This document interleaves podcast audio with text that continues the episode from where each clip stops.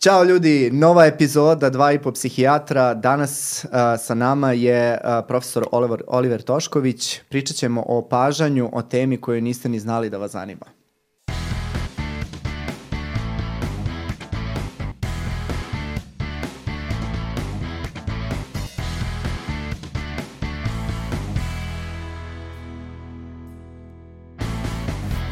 Dakle, kao što rekoh u samom uvodu, uh, sa nama je profesor Oliver Tošković. Uh, dakle, Oliver radi na uh, uh, Filozofskom fakultetu uh, odeljenje za psihologiju u laboratoriji za eksperimentalnu psihologiju koliko reči čoveče, jedva, jedva zapamtih sve ovo.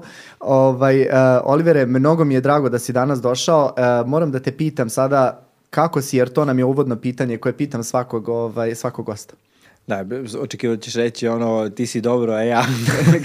da. O, ovaj, pa hvala na pozivu, drago mi je da sam ovde. Eto, ja sam sad valjda ovo i po. I, inače se osjećam kao pola psihijatar, kao većina ljudi koji upiše psihologiju, nekako upiše zbog klinike i zbog ono, a, tog rada sa ljudima na taj način, ali sam završio na sasvim desetoj strani a, u tim eksperimentalnim vodama istraživačkim i eto, sad sam kod tebe ovde. Da. E, mi smo se čuli još pre nekog vremena i razmišljali smo o čemu ćemo da pričamo i jako mi je drago što smo izabrali temu koja je tebi nekako najbliža i ovaj, koliko znam ti si završio doktorat i ovaj, tema tvog doktorata je bila opažanje, je li tako? A, jeste, uh, ja sam i, i magistarske po tom starom programu radio i diplomski, magistarski i doktorski. Magistarski i doktorski su mi slična tema bila. Do, konkretno tema doktorata se zvala anizotropija opaženog prostora. Znači, bavio sam se opaženjem daljine i prostora, a anizotropija je jedan specifičan fenomen. Ljudi, recimo, verovatno znaju iz škole, izotropi su jedinjenja koje imaju nešto isto, a mhm. anizotropno znači da je nešto različito a u percepciji, odnosno opažanju, konkretno se misli kada se neko svojstvo, na primer boja, svetlina ili u mom slučaju opaženja daljina, e, menja na različitim pravcima posmatranja, kad gledaš nešto ispred sebe, iznad, onda drugačije vidiš daljinu, odnosno prostor se na neki način deformiše u zavisnosti od pravca posmatranja, to je bila konkretna tema. Da, super. I jedva čekam da se malo bacimo više u tu temu, a pre nego što počnemo, uh, pitaju mene par kolega, kaže, ovaj, ko ti je sledeći gost? I ja kažem Oliver Tošković i kaže, jo, to je onaj što smišlja pitanja za prijemni. to im je bila prva asocijacija, ako mi veruješ. Tako da bi o, moje drugo pitanje za tebe bilo, je li dalje smišljaš pitanje za prijemni, jer si poznat očigledno po tome da smišljaš teška pitanja. A, smišljam, evo, danas su me ponovo reizabrali u komisiju, za, tako i ove godine sam tu. Nisam jedini, ali to nekako ljudi zaborave, jer ovaj kolega se drži u, u, u, kao vlada u senci. A, ovaj, ispotaje. Ispotaje, da.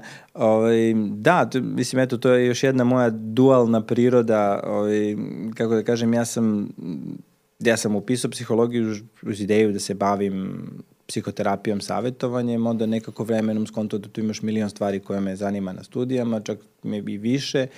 I onda sam otišao u tu eksperimentalnu psihologiju, međutim onda sam počeo da predajem statistiku, a statistika u psihologiji često vezana za testove i testiranje, odnosno mi imamo tu oblast koja zove psihometrija, dakle razvoj testova i nekako igrom srećno nesrećnih okolnosti jedne godine uh, je kolega koji zajedno sa mnom pravi test, napravio test na ljudima koji su organizovali prirodnu i to delovalo preteško i onda su pitali mene, e, ovo je pretežak, onda su pitali mene, on se je napravio isto toliko težak test. to je bio tvoj odgovor na celu priču. pa ja iskreno kad sam video njegov test, oni su me zvali ili hoćeš, ako hoću, ja sam mislio da on neće te godine, nisam znao da su ga pitali, da ga nisu pitali, a onda kad su mi pokazali njegov test, to je iskreno budem najbolji test koji sam u životu video, taj koji on napravio. I evo, pokušavam godinama da, da repliciram taj njegov. Stvarno je napravio sjajan test zapravo i shvatio sam da ja sad neću napraviti ništa drugačije ako želim da budem podjednako bar dobar ili blizu. Uh, A, tako da onda jedne godine pravi on, jedne ja i onda treće godine su nas spojili zajedno pa pravimo odmah zajedno. Valjda su mislili da će dva, dva zla dati jedno dobro. Tako. Da, da, da. A e, mi, smo nek, e, mi smo danas e, čak i kucali tvoje ime na, e, na Google i izlazi jedan fenomenalan naslov e, onako sa sve tvojom slikom kaže ovaj profesor pravi najteže prijemne ispite, klikni i saznaj. Znaš, ono, o, to je jedan od onih fenomenalnih naslova, ono, foto, video, znaš. Ono. da, jedno kad sam dao intervju, čak, možda i za kurir ili tako nešto, ne, ne znači, oko tih prijemnih me stalno zovu, te, ljudi vole se testiraju, to je point. Kad ja bio četvrta aha. godina fakulteta, Žarko Korać mi te držao neke psihološke škole i pravce i on kaže, kao ljudi kad čuju studente psihologije, oni kaže, a, znam, je to glupo, ono, Freud, seks, ja to ne, nema veze, ali imaš neki test. to je sad drugo pitanje. Nešto se ja mogu da rešim, kao da. pa, to je kao ima tu nešto intrigantno i svi odmah popljuju, kao, ali kao testovi ih zanimaju. Mislim, ljudi, znaš, ima jedan taj deo misticizma oko testova koji ja ne volim, da testovi sad, znaš, kao, wow, tu nešto iščačkaju u tebi što niko ne zna i to sve. Uh, u stvari, ja često volim da demistifikujem priču o, psihološkim testovima. Mislim da je važno da ljudi razumeju šta testovi mogu, a šta ne mogu da mhm. urade. Mm -hmm. A, tako da tu, tu je ono bitno. E, i sad ono u vezi sa tim naš, ti sad ono ne znam kad tu ljudi vole se testiraju pa su novine provalile da sad ono prijemni kako privluči i onda im to diže tiraž vjerojatno međutim njima naslovi dižu još više tiraž i onda su me intervjuisali ja to sve nešto lepo pričao i onda su me fotkali nešto ispred fakulteta. Ja napravio tako neku facu, ono kao njanja, njanja, smeškam se i onda izađe moja faca tako s tim blagim smeškom, a iznad naslova ono noćna mora studenta, Tako je delovalo potpuno sajko, znači, ja sam se uplašio kad sam to video, ne. Jo, jeste, to je ta slika, sad mi je u glavi. Ono. E, Za novinar, koji izvini, kaže ona, kaže, pa nisam ja to urednik, tako, pa rekao, ti, ti urednik mene će neko da ubije.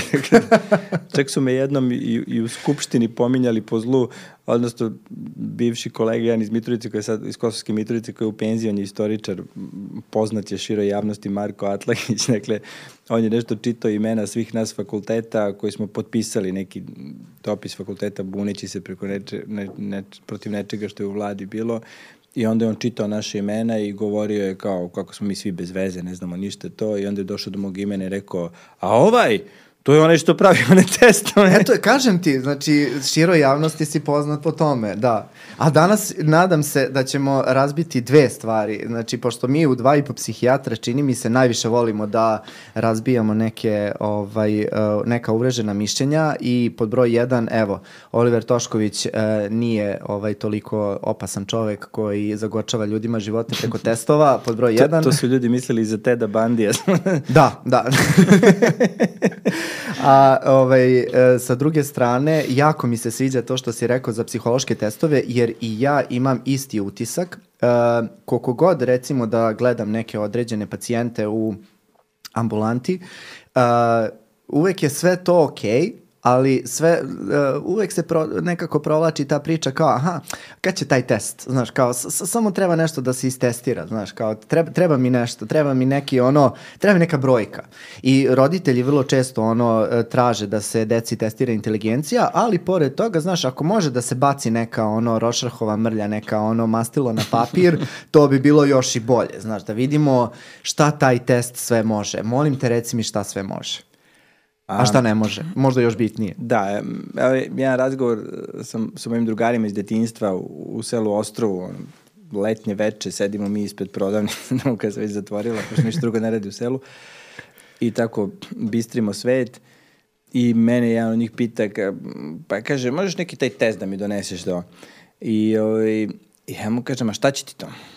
A, mislim, ti znaš sebe 30 ili 40 godina. A, moj test će te poznavati pola sata i sigurno će te loše znati nego što ti znaš sebe.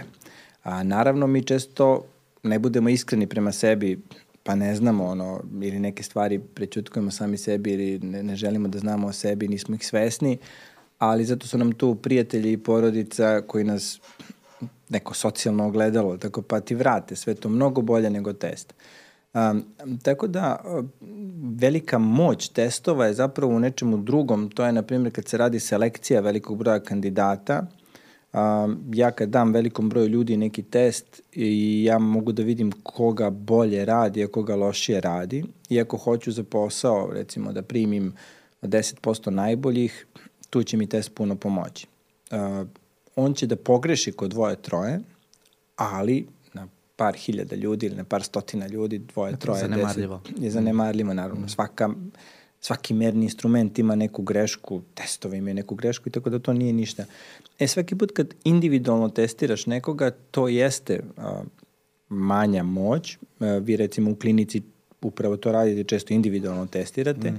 a šta se onda radi? Onda se primenjuju takozvane baterije testova, jer jedan test uvek ima neku grešku a, i zapravo ti onda ukrstiš nekoliko testova da bi dobio precizniji podatak, ali čak i tada kada ti individualno testiraš nekoga, um, ti zapravo uh, porediš tu osobu sa, sa nekoliko hiljada ili stotina ljudi, to su norme. Mm. Znači ti uvek imaš jedan normativni uzorak i ja kad napravim test, ja zapravo ne znam šta taj test sve može da meri. Ja se trudim da ga skocam po nekim teorijama, nalazima šta je otprilike inteligencija ili šta je ličnost.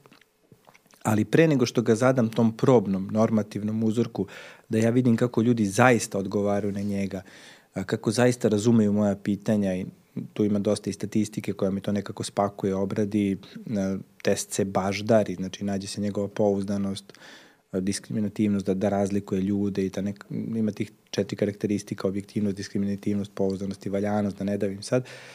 I onda sve to mora da prođe jedan test, ozbiljno, to je jedan dugo, dugotrenan, mukotrpan proces i zapravo na kraju dolazimo do toga da je smisao testa da ti pokaže gde si ti u odnosu na taj uzorak, na neku grupu. Ja to volim ljudima da, da napomenem, to često i naše kolege nekad zaborave, šta je IQ? IQ nije koliko si pametan, nego koliko bolje radiš određeni test ili lošije od jedne grupe ljudi reprezentativne koje mi zovemo normativni uzorak. Dakle, mm. gde si u odnosu na prosek. A, što si više zadataka uradio odnosno na prosječnog čoveka, to mi mislimo da si pametniji. A, tako da u tom smislu, recimo, test može da nam poredi ljude, što je precizniji, to nam bolje poredi, ali recimo teško je dva različita testa uporediti, pa IQ sa jednog i drugog testa ne mora nužno da znači isto ili može čak da bude jako različit. A, teško je čak i upoređivati IQ-ove iz različitih država. Mm. Tako kad se pojavi nekad nešto u medijima, mi, mi se smejemo, jer zašto? Zato što je tamo norma drugačija. drugačija nego, da. Normirani uzorak je tamo drugačiji i onda sad prvo to je drugi jezik, pa je drugačije mm. standardizovano. Mm A, tako da kada bi se pravio test za ceo svet, onda bi to moralo da se prevodi više puta, pa da se uzima standardizacioni uzorak u celom svetu, pa da se prave norme. Tako da, evo čisto da završim time, a, često se dešava da mi ne uspemo da nabaždarimo pitanja lepo ni za recimo decu sa sela i decu iz grada, pa ti imaš posebne norme za ove IQ testove koji su a, za prečkolsku decu. Mm -hmm pa imaš posebne norme za decu iz sela i decu iz grada. A, mislim, ja sam dete sa sela, pa možda se vadim time, da. ali nema razloga da verujemo da su deca iz grada pametnija i, i, i od dece sa sela nego šta, žive u različitim uslovima. Pazi, žive u istoj državi i šta ti ja znam, sve tu su možda na 100 km jedna drugih, ali prosto deca u gradu imaju bogatije iskustvo, okruženje i slično. I onda ti jedini način da to ispraviš jeste da napraviš različite norme. Mm. E, kad krenu u školu, onda im iskustva postanu sličnija i onda već su uporedivije, onda vrlo brzo stignu ova deca iz sela, deca iz grada, ali znači mi ne možemo da tvrdimo da deca, dete od 5 godina iz sela je manje pametno deteta iz grada, ne, nego prosto pravimo onda drugačije norme. Da, jako mi se sviđa što smo o tome krenuli da pričamo, iako nam nije to bilo primarno planirano, uh, zato mi stalno pominjemo ovde uh, ovu međunarodnu klasifikaciju bolesti i uh, o, sad je izašla konkretno nova 11. revizija i ono što je meni bilo jako intrigantno, a vezano je za ovo, jeste da su se sada uh, poremeće inteligencije, nekada poznavane kao mentalne retardacije, uh, sada ovaj, drugačije se klasifikuju, drugačije se diagnostikuju. Dakle, sada više nije to apsolutna brojka, mislim sada, kada stupi ta MKB da. 11 klasifikacija na snagu, uh, nego je to u stvari odstupanje od proseka za datu populaciju u uh, datom miljeu, to što si rekao, znači ono, dve ili više standardne devijacije, ajde sada ne, ne davimo o tome, ali koliko u stvari osoba odstupa od okruženja u kom se nalazi. I to mene jako obradovalo, zato što upravo to što kažeš, mi smo nekako i klinički, i intuitivno zaključili da potpuno ne možeš da porediš uh, test, testiranje deteta iz, uh, ne znam ti ni ja sad, evo, Žagubice ovaj, jednim testom i dete iz Kopenhagena kako da ti kažem. I onda ovaj, sviđa mi se što se ubacila ta varijabla, znači ubacili smo milje u kome dete živi neki prosek, znači i dalje to nije savršeno, daleko naravno od savršenog, to je nam je dalje neka orijentacija, ali opet mi je drago da se približavamo nekom da kažem, realnijoj slici nego, nego što je ovaj, do sada bilo. Jeste, mislim, nama iz ove psihometrijske priče je uvek bilo to tako. Znači, da. one klasifikacije koje kažu, ne znam, od 50 do 70 je blaga, Uh, ja to od 50 do 70 je uvek u mojoj glavi bilo uh, dve standardne devijacije do e, to, pa znači, pa kad si statističar mislim jer, znaš ono. ali to jeste u startu tako bilo definisano samo što to niko nije tako napisao onda da. ljudi koji nisu iz ovog miljeja oni pročitaju brojku tako 70 je A, Pazi, da... meni predstaviše brojku, mislim, niko yes, mi nije rekao eksplicitno da je to dve standardne devijacije od proseka. Yes, da, da, da, da. Pošto je otprilike jedna standardna devijacija je 15, da, tako da, da to, da. da. E, a sada se dotaknemo ove priče o pažanju, ovaj, e, meni je vrlo interesantno kako se neko uopšte odluči da radi, na dok, da radi doktorat iz neke teme koja je nama kako da ti kažem, poprilično onako laički kad poznaješ temu opažanja, onako jasna, Međutim, evo ja sad pričam iz stručne perspektive, uh, što više znamo o pažanju, to manje znamo o pažanju, jel? Znači nekako mi se to, ovaj, uh, imam osjećaj da se manje i manje znam. Ovaj, šta je tebe zainteresovalo uopšte u svetu opažanja i zašto si krenuo toliko duboko da se time baviš? Pa opažanje je nešto što te pogodi na prvoj godini psihologije uh, i ti ga tamo ne očekuješ. Uh, I sad, ono što sam ja tu našao je nekoliko stvari zapravo. A, prva je, ja kad sam upisio psihologiju, mislim, primarni razlog je bio taj da se bavim savjetovanjem i to, ali ja sam došao sa ljubavlju i dilemom da li da studiram psihologiju, fiziku, biologiju ili medicinu. Ili učiteljski. Što reče jedan da. od mojih profesora i, i direktor moje srednje škole, kaže, dobro da je bar slično. Bukvalno. o, ovaj, A sve to sam našao zapravo u, u opažanju. A, zašto? Zato što a, opažanje je nekako da kažem ovaj biološki, prirodno naučni deo psihologije a, i a, tu se dominantan metod je eksperiment koji se koristi, ima puno neurofiziologije, čula i moždanih centara i slično, Dakle, ima taj, taj neki biološki, medicinski deo, manje ovaj kliničko-medicinski, ali taj fiziološki razni. A, ima čak jedan deo koji zove psihofizika, a, i zapravo prvi psiholozi su često bili fizičari, recimo mm. Fechner, mm. Mach, a, zato što je njih zanimalo a, kako se a, svetlost prelama kroz prizmu naših čula, odnosno ta razlika između našeg doživljaja svetlosti i svetlosti kao fizičkog fenomena ili zvuka. Tako da jedan deo je praktično, ja sam nekako imao utisak da su sve moje ljubavi, uključujući i psihologiju kao krovnu ljubav, bile tu. Znači imaš i taj prirodno naučni pristup, eksperiment, tu i biologija i fiziologija, baviš se psihologijom. Ti si bukvalno sve našao u jednom. Da. Malte ne. Da. A plus ekipa koja je radila u laboratoriji je volila da dođe na posao u 12. Evo, dolazimo do ključnog momenta. I to je drugi faktor da sam skonto da, da, da, ovaj, da sam među svojima. To je jedna stvar. A druga stvar, ti otkriješ tu u stvari razne lepote koje ni, ni ne pretpostavljaš. Recimo, a, mi se trenutno bavimo opažanjem. Nas ljudi slušaju.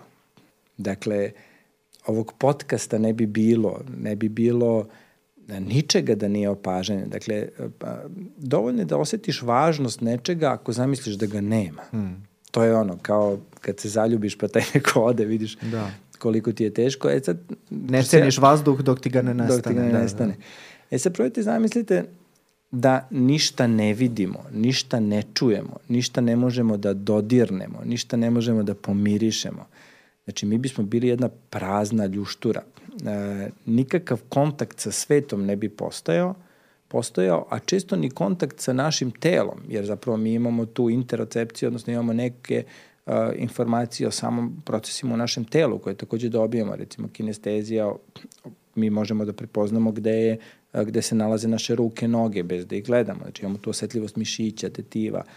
A, tako da imamo čulo ravnoteže i slično. Tako da ne samo da bismo bili odsečeni od sveta, nego i od nas samih. Dakle, probajte zamislite jedan radio aparat a, kome riknu sve antene. I šta se čuje? Čuje se samo ono kšš, to bismo bili mi bez čula. A, e sad, tak, to, to suštinski jedan bazičan proces a, koji je dobrim delom automatizovan. A, pošto je automatizovan, to znači da se dobrim delom odvija bez neke naše volje i svesti. A to što je nekako automatizovano, mi mislimo da je to tako nebitno. Ja, kad sam jednom pokušavao da objasnim čime ću se baviti u doktoratu, mom drugaru Noci iz, iz detinjstva, on je inženjer, čovjek me gleda onako, Ja mu kažem, ako vidiš ovo, ovo je malo dalje, ovo je malo bliže, kako, kako vidiš? On kaže, šta kako vidim? Vidim. Ali to hoću, mislim, slaž, ja se slažem s nocom, moram ti priznati. Znaš, ono, ne možeš da ceniš nešto što ti je tako bogom dano. Znaš, ono, prosto očekuješ da je to tu i sve dok ti ga ne nestane, nije ti prirodno da uopšte razmišljaš o tome. Znaš, kao, ne cenim ja svoj vid dok ga ne izgubim. E to je ono što Upravo je... Upravo tako i zapravo, eto, jednom inženjeru bar najlakše to objasniti uh, kao, dobro, aj mi napravi softver koji će to isto da radi. Mm. I to se zapravo i desilo, recimo, početak veštačke inteligencije se zapravo vezuje za proces opažanja, a, kada je grupa istraživača, čini mi se na MIT ili nešto, dali su nekim studentima seminarski rad preko leta da naprave algoritam koji će da prepoznaje oblike Znači da razlikuje krug od kvadrata, mm -hmm. da prepoznaje. I uh, tako je nastala priča o prvom perceptronu, odnosno mašini koja prepoznaje i nije radio. Dakle, šta je point? Onda su skontali koliko je to komplikovan proces. Uh, mi smo to znali još nešto ranije.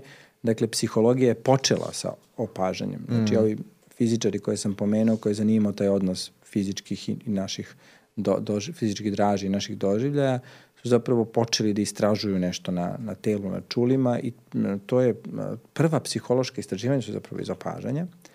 Tako da, eto, s jedne strane imaš taj deo koliko je to tajanstveno i koliko ne znamo o tome, a koliko skontaš te kad kažeš, pa ok, ako ti je jasno, onda možeš da napraviš softver koji mm. radi, e pa ne možemo i dan danas gomile stvari tu ne možemo, iako znamo puno više nego što smo znali pre 70-80 godina, a, kada je to počelo, a pre stoji nešto godine kad su počeli istraživanja smo znali još manje.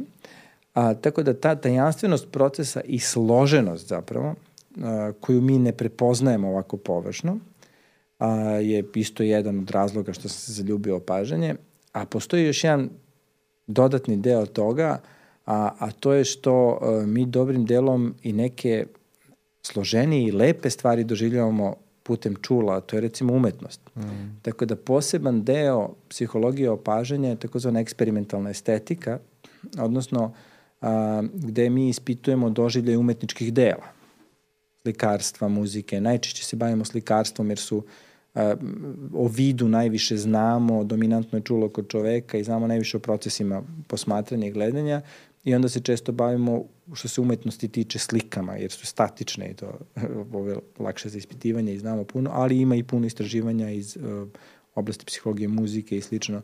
Tako da ti kad pogledaš u stvari šta je psihologija opažanja, njoj ima svega, dakle radi jedan ono eksperimentalni pristup, pouzdan, uh, radi neka merenja, ispituje jedan bazičan proces bez koga ne možemo da zamislimo sebe, a da toga nismo svesni, uh, koji je svakodnevno tu uh, uključen konstantno, dakle mi nismo, to, pomenuo sam ti pre emisije, ja sam tu volao u prvoj godini rečenicu mog profesora Kostića koji je otvorio drugi kurs iz kognitivne psihologije. Kaže, znate šta je najsloženija stvar u svemiru? To je kad vaša baka pije kafu sa komšinicom i ogovara treću.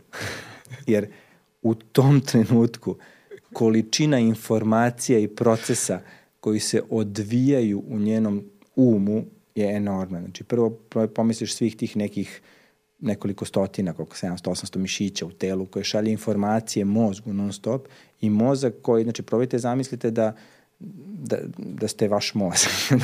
znači, da ste onaj lutkar koji na koncima drži lutke, one, i zamislite da imate 800 tih lutki.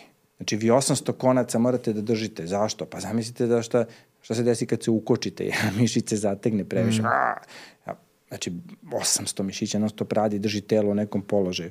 To samo po sebi je uh, komplikovan fenomen. Ali dok ona to radi, Znači ona... Dok ugovara. Do, do ugovaranja... Čekaj, do ugovaranja treba dođemo, da, da, da.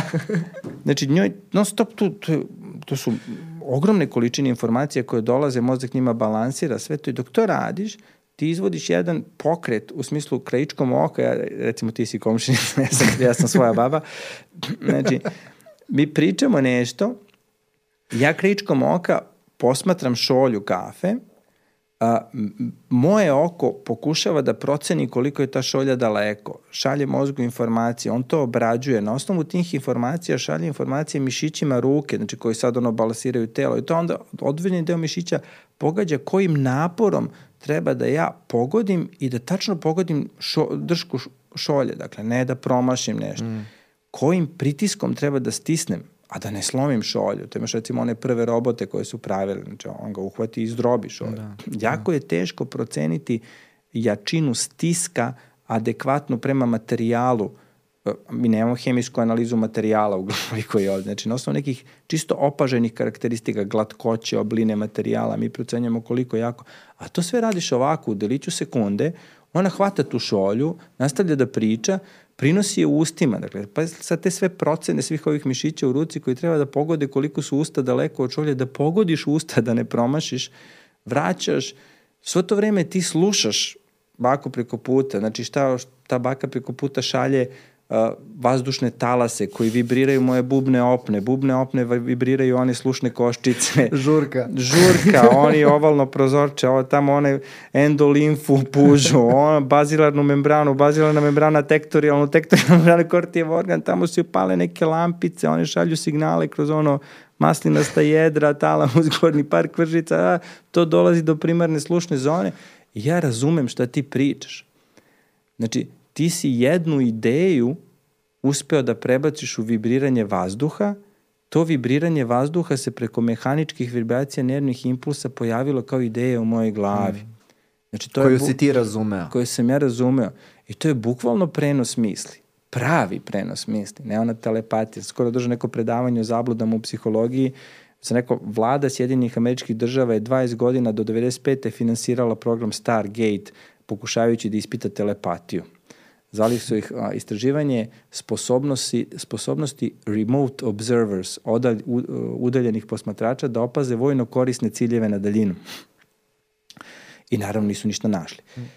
E, da smo 20 miliona dolara umesto na nepostojeće fenomene upucavali u istraživanje ovih fenomena, danas bismo mnogo više mogli da unapredimo kohlearne implate, da pomognemo ljudima koji slabije čuju i slično.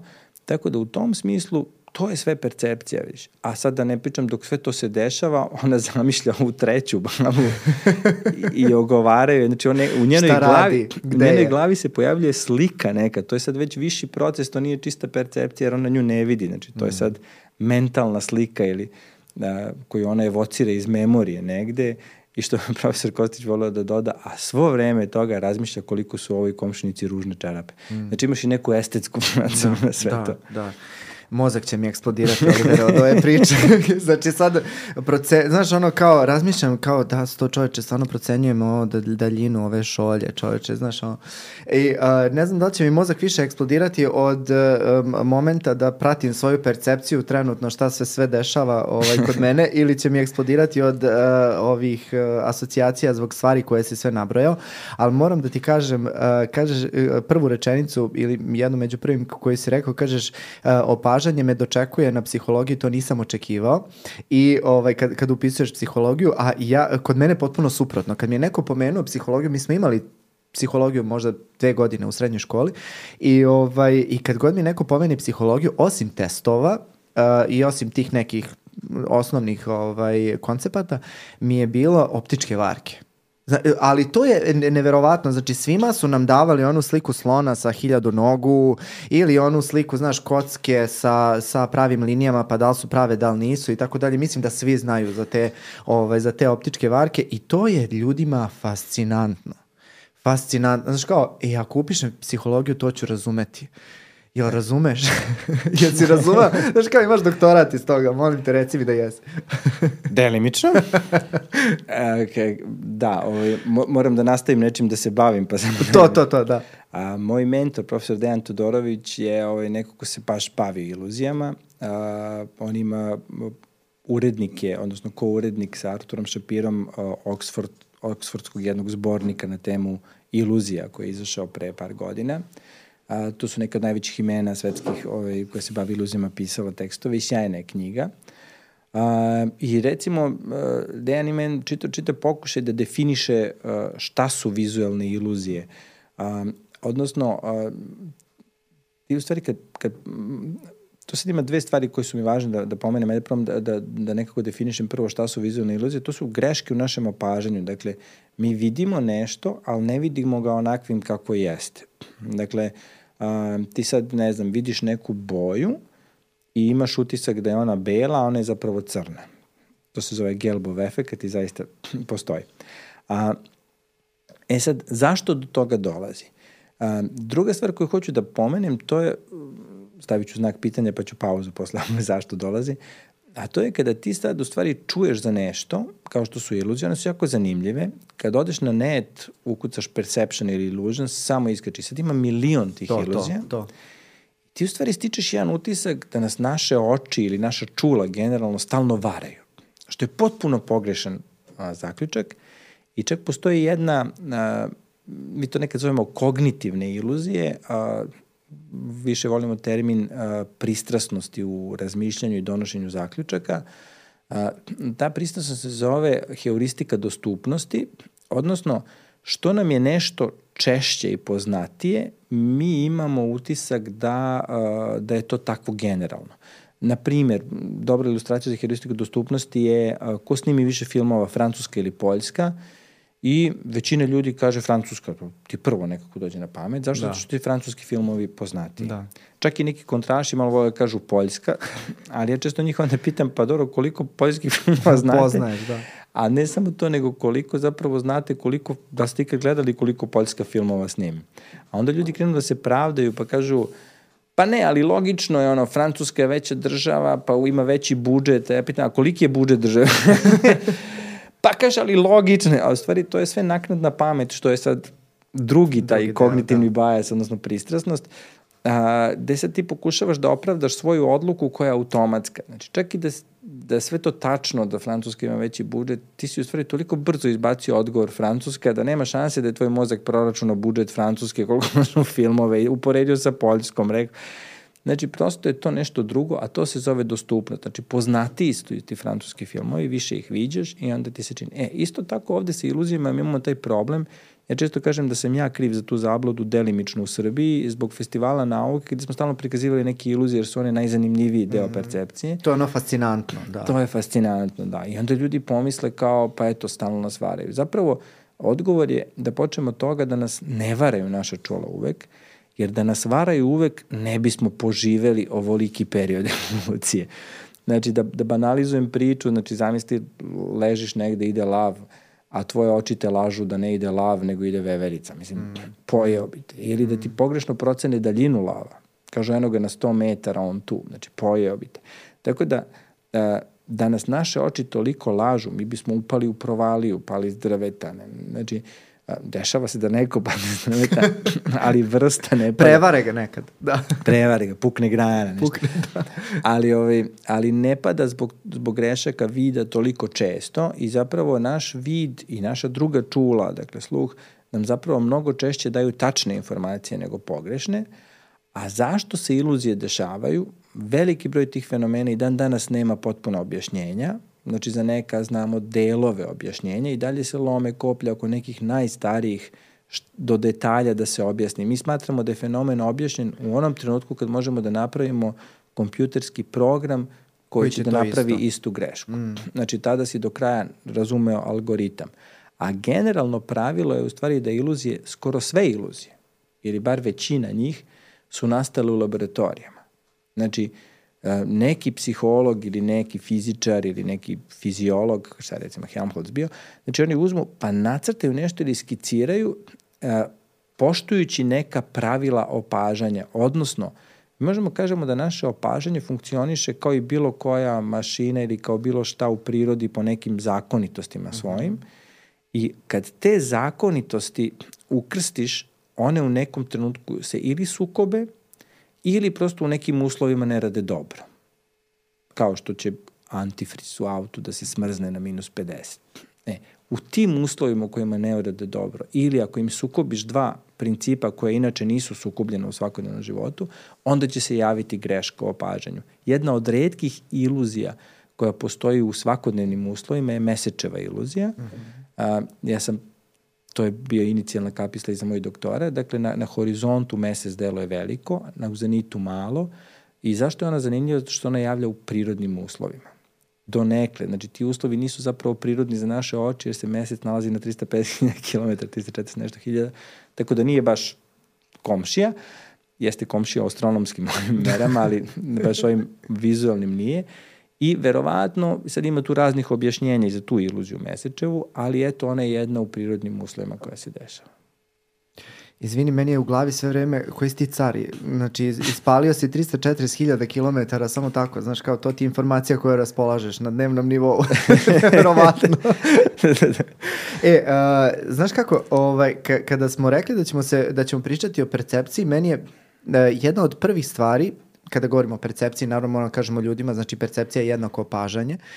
I uh, jedna od prvih stvari koja mi je bila u, u glavi jeste jesu uh, filozofi, pošto se u slobodno vreme volim da se bavim filozofijom i sad uh, sviđala mi se ona podela nekada davno, znači to je neki recimo 16. 17. 18. vek i postojale su uh, dve grupe da kažem filozofa koje su se klale oko percepcije. Znači, to je bila onako, bili su oni e, realisti i empiristi. Sad, e, jedni ovaj, su se zalagali, uh, realisti i racionalisti, ne mogu se setim sad ta, tačno kako su se zvali, sad empiristi su se zalagali da uh, je čovekovo saznanje dolazi iz opažanja. Znači da čovek u stvari sva svoja znanja prikuplja iz opažanja, ovi drugi kažu ne, nema veze s tim, nego dolazi iz neke urođene logike. Znači mi o, zna, sva znanja koja dobijamo, dobijamo putem ovaj putem nečega, ono rodili smo se sa tom nekom logikom i tek posle ono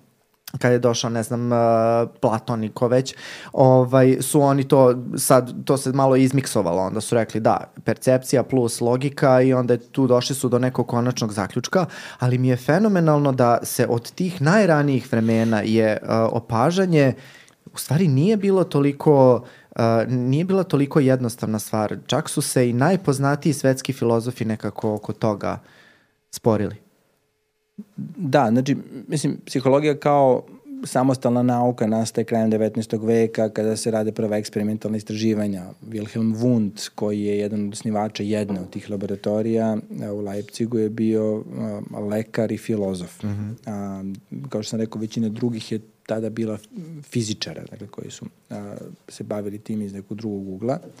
A, a engleski empiristi koji si pomenuo, dakle to je ona čuvena ono nihil est in mm -hmm. intellectum quod non fuerit in sensu, znači nema ničega u razumu čega nije bilo u, u čulima, to je John Locke. 34.000 km, to je to je jedna od tih informacija. Da, zakačam se na Google. Da. A, a, a, dakle, a, pa odgovor na to nema ničega u, u razumu što nije bilo u čulima, osim razuma samog, tako, pa su dobili tako. odgovor.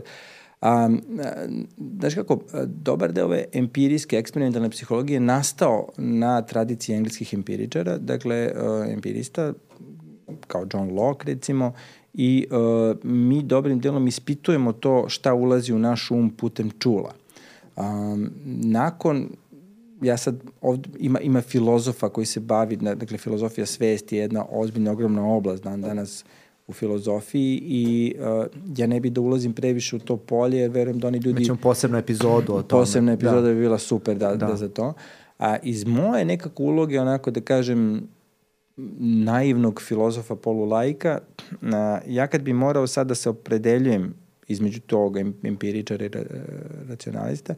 Dakle, ja bih negde rekao a, da zaista većina informacija u naš um ulazi putem čula.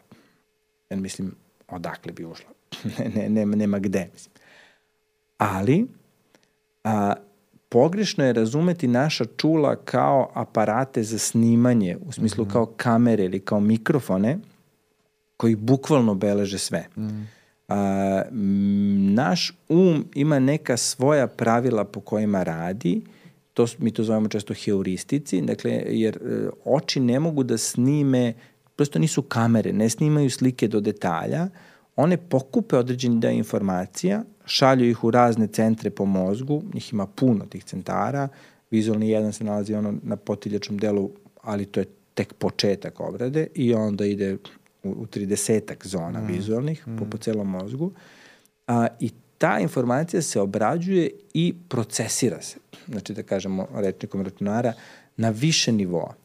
Tokom tog procesiranja se informacija iz čula pakuje, prepakuje, povezuje se informacijama iz drugih čula i verujem da je tu mesto negde toga da se neke ideje u našem umu e, dobijaju. E sad ja ne bih rekao da su one dobijene rođenjem, ali recimo da mi rođenjem dobijemo neki kognitivni aparat, znači to je, dobijemo neku neki duh u obliku neke mašine spak, spakovano u, u mozak i zbog ograničenja fizioloških procesa u mozgu sa kojim su vezana ograničenja naših kognitivnih kapaciteta, znači kapaciteta našeg guma, a te informacije koje ulaze putem čula se drugačije procesiraju.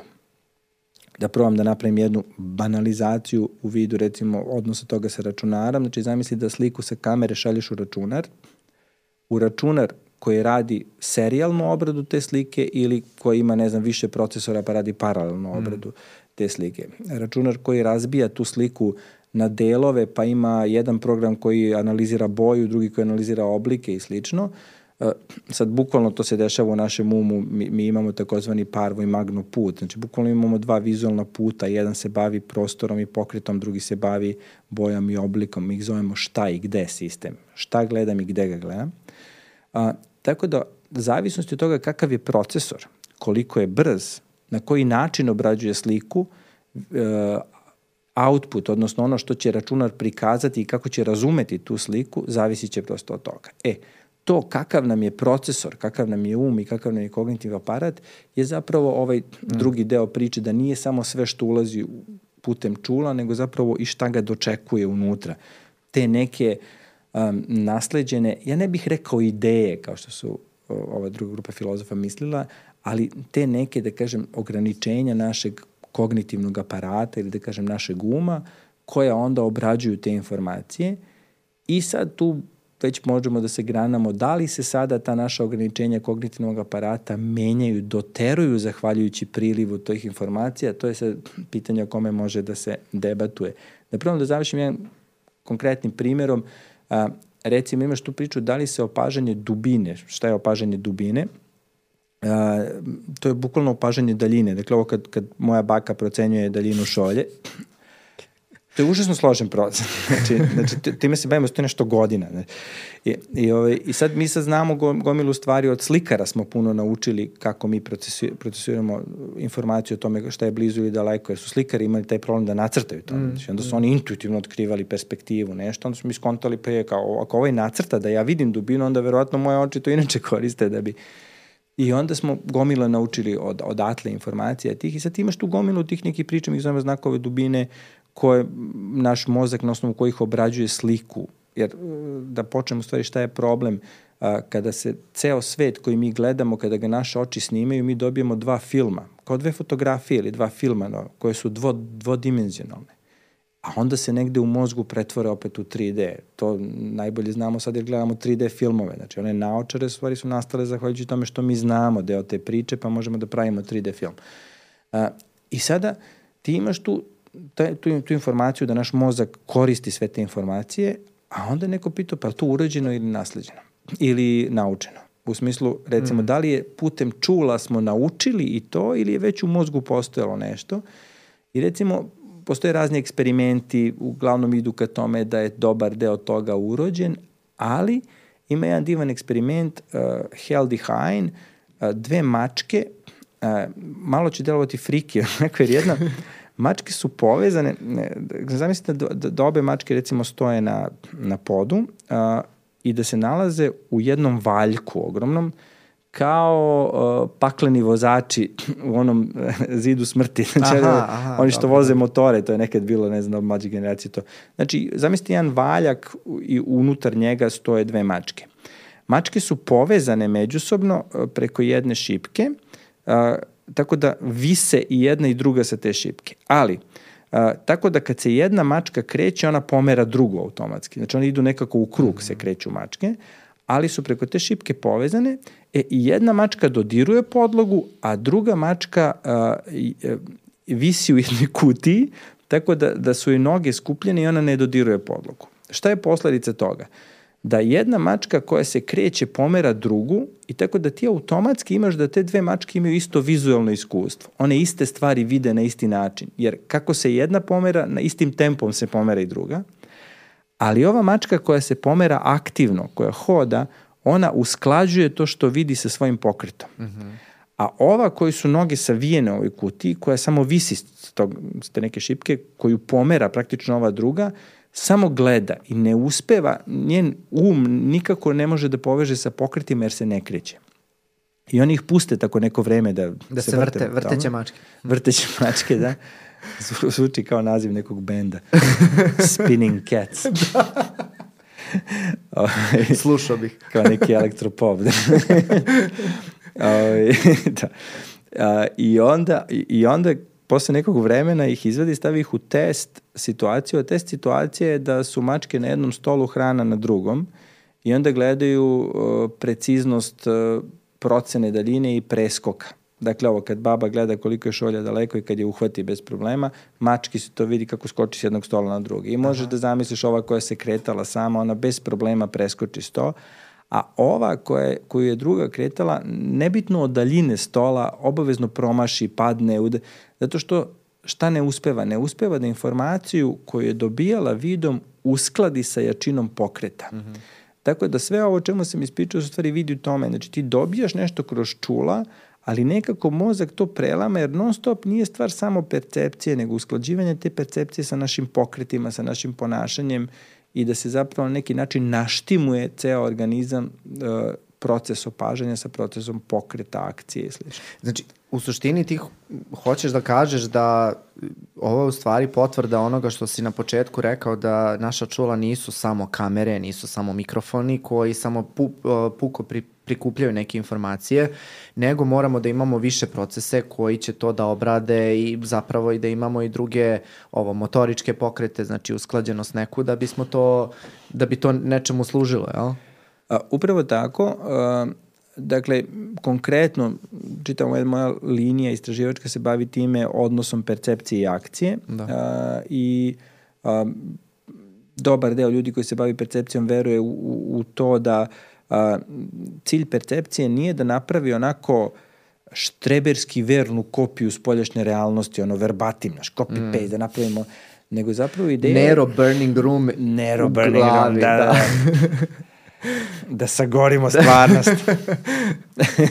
da. Burn, baby, burn.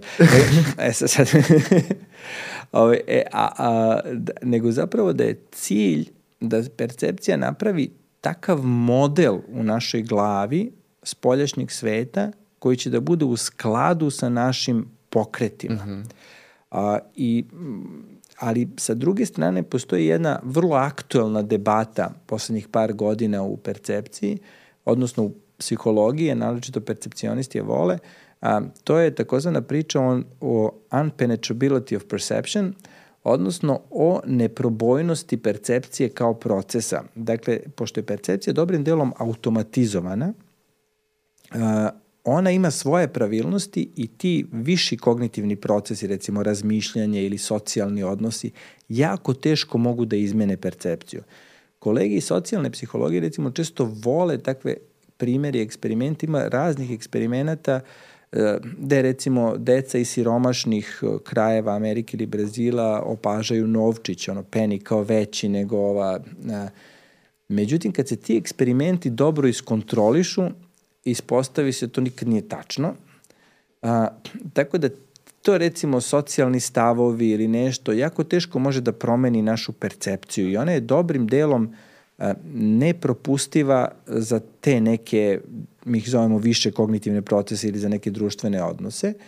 A, ali onog što jeste propustivo to je zapravo donošenje suda, što mm -hmm. nije čist perceptivni proces. Znači ti kad pitaš dete da proceni veličinu, ona ga verovatno i vidi podjednako velikim, a će ga nacrtati većim, jer sad to nema veze sa percepcijom direktno. A, postoji jedan deo istraživača koji strogo misli da na percepciju ništa ne utiče, znači da čista percepcija ima svoja pravilnosti i uvek ćemo da vidimo sve isto. Ja recimo verujem da ti viši kognitivni procesi slabo mogu da utiču na percepciju, ali verujem da isto tako percepcija koja se razvija tokom ontogeneze, dakle od rođenja deteta kasnije, se usklađuje sa našim ponašanjem, pre svega fizičkim, u smislu akcijom i tako nešto. Tako da verujem da nije potpuno nedodirljiva, jer to bi bila neka autistična percepcija čemu bi mm. služila, onda ona bi furala da. svoj fazon, bolelo bi je uvo, da li mi ginemo, ne ginemo, to se realno ne dešava i mislim da postoji neki fine tuning, neko podešavanje, dakle kao što se kao što se jedan muzički bend štimuje međusobno da bi zvučao usklađeno, tako da ima neku harmoniju, tako ja verujem da se naši procesi usklađuju međusobno ali to da se uh, u nekom kratkom roku promeni, to uh, je zaista teško ili gotovo nemoguće. Recimo, ljudi vole da navode te primere da a, recimo Eskimi vide 16 vrsti snega, mi vidimo jednu. Znači, to ne da nije tačno. Znači, a, Eskimi imaju 16 naziva za sneg, mi imamo jedan, ali mi vrlo dobro razlikujemo suv sneg, bljuzgu, uh, mokar sneg, sneg za seš, sneška, sneg za sankanje. Da. Znači ti vidiš drugačije vrste, ali to što u našem jeziku nemamo više imena, naziva za to, pa ih sve zovemo snegom, ne znači da ne vidimo mm. razliku, mm. nego samo nam je manje važna. Tamo prosto non stop je sneg i njima je bilo važno to klasifikuju, razvio se jezik tako, ali ne znači da se njihova percepcija promenja. Mm. E, a moram da se vratim uh, na sam početak, poprilično smo zaš, uh, zašli duboko u, uh, ovaj, da kažem, i filozofiju ovaj, čula i percepcije, uh, ali pre toga čini mi se da uh, na samom početku, kad kreneš da pričaš o čulima, postoji jedan veliki znak pitanja, a to je koliko čula ima. Znaš, i stalno nekako čuješ, znaš, da li je pet čula, sedam čula, osam čula, znači, dobro, pretpostavljam da su svi čuli ono ukus, miris, vid, dodir, uh, šta sam zaboravio? Ukus, miris, vid, dodir, sluh. I ovaj, da, verovatno zbog slušalice. I, ovaj, I onda, evo, ti pominješ, znači, interocepciju, imamo propriocepciju, imamo sad, evo to, kao debata da li je opažanje vremena, u stvari čulo za opažanje vremena i tako dalje. Šta ti misliš o tome, generalno, šta, kada tebe pitaju koliko čula ima, šta kažeš? 11-12 je neka brojka koja se vrti. A, to za pet čula, pa kao 600 čulo. krivi, krivi, treće oko i 600 čulo. Krivimo, da, kao i za većinu stvari stare Grke, odnosno Aristotela, koji je to pobrojao i pod dodire podveo celu kožu. Krajem 19. veka smo saznali da koža nije jedno čulo, zato što ti u stvari u koži e, na različitim mestima osjećaš bol, dodir, toplo, hladno, pa smo onda saznali da postoje različite vrste receptora mehaničkih za dodir, znači mm. postoje neki rufini cilindri, Krauserova telašca, Faterpačinjeva telašca, Merkelovi diskovi, nebitno da sad a, ne nabrajam sve, a, ostalo još dlaka. Dakle, ovaj, takozvani slobodni dnevni šec. Znači, i, uh, na tom Izgovori, ja, izgo, imamo pa, vremena. Sve, sve, sve sam ih nabrao. Mislim da sam ih sve nabrao. Ovaj, tako da, postojanje različitih receptora, različitih prijemnika u, u, u, u koži, plus njihova različita razmeštenost i plus jedan od ključnih dokaza su takozvane tačke osetljivosti. Ako nađeš dovoljno sitnu tačku, znači dovoljno sitnu iglu, na jednom mestu ćeš osetiti dodir, ali tu nećeš osetiti bol, niti toplo. Ali na drugom mestu ćeš osetiti toplo, tako redom. Onda ima ne, različit broj, recimo najviše imamo tih tačaka za dodir, mm. pa onda nešto manje, na, najmanje mislim sa hladno. Mm. Tako da u tom smislu, a, dakle, taj, taj, taj podatak ti kaže da koža nije jedno čulo, nego ima četiri. Dodir, bol, toplo, hladno. To sad kad sabereš sa ovo ostala četiri koje se naveo vid, sluh, ukus, mm. miris, to je sad već osam. Pa onda svi znamo za čulo ravnoteže, samo nekako ga zaboravimo, to je sad devet. Da. Pa imamo kinesteziju, znači to je osjećaj a, pokreta, a, dakle, u svakom trenutku kad zatvoriš oči znaš da su ti ruke, noge, znači to je posebno čulo koje je izuzetno važno, bez njega ne bismo mogli da se krećemo. Postoji jedno redko oboljenje, a, mislim da je samo par slučajeva u svetu, a, neki virus, ja mislim da se verovalo da to radi, pojede neuromišićne ploče. Mislim, pojede, razori neuromišićne ploče, tako da ti zapravo kontakt između nerva motornog i mišića nemaš, više ne funkcioniše, tako da mozak ne može da pošalje informaciju mišiću da se pokrene. I onda ljudi gube, uh, pošto se ta, ti receptori nalaze u mišićima i tetivima, tetivama, koji nam govore gde su nam ruke, gde su nam noge, i onda ljudi gube informaciju o tome gde su ruke, gde su noge. I ako ih ne gledaju konstantno, oni bukvalno ne znaju gde su ruke, a šta to znači? To znači da ne, ne možeš da se krećeš, jer ne znaš gde ti je noga. Mm. Ti ljudi ne mogu da se kreću. Tako da kinestezija je još jedan od tih čula koga smo, da kažem, posredno svesni i kad kažeš ljudima, oni kažu da, da, da i to. Da. Onda postoji cenestezija, to je osetljivost unutrašnjih organa, dakle, svi osjećaju kad krče creva, ne da čuju, nego se osjeća tamo nešto se dešava, tako?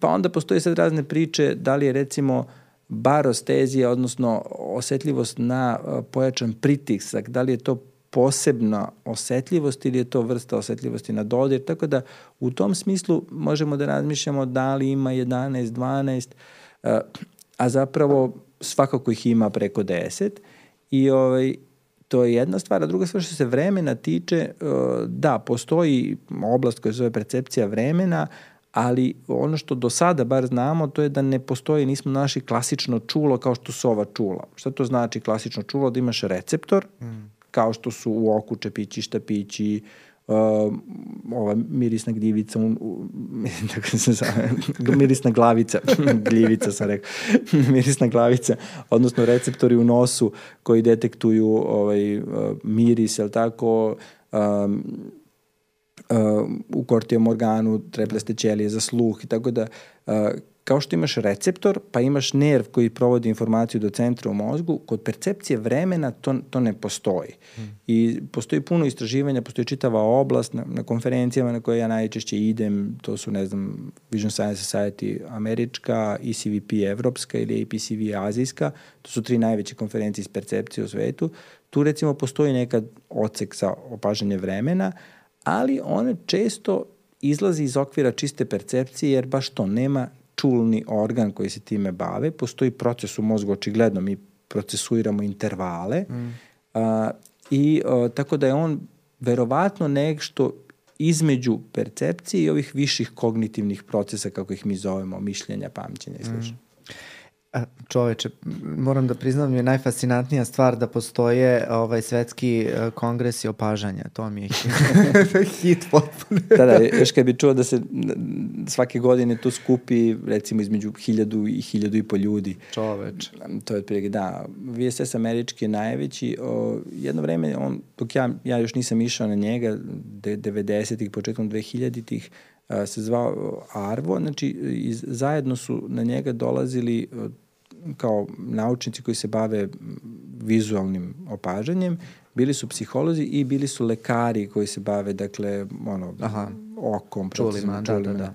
E, međutim, taj kongres je toliko narastao da, da su psiholozi se osetili kao, kao manjina jer je krenuo da, da broji preko 10.000 ljudi, 15.000, to je mali grad dođe. O ne. I onda se VSS odvojio kao posebna konferencija.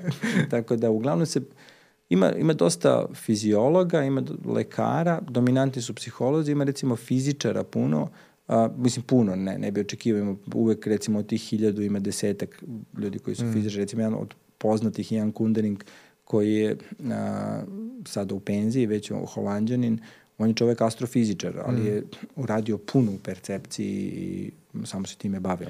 E, a moram da te pitam, uh, kada pričamo o tim nestandardnim čulima, da kažem, i to kao, ok, percepcija vremena se provlači, a zašto mi isto interesantno, jel, se ne, uh, jel si nekada čuo za intuiciju kao, kao pojam čula. Znaš ovo kad uđeš negde u prostoriju i prosto znaš da je neko u prostoriji ili neko, evo recimo, ja znam da mene sad ovaj naš producent gleda.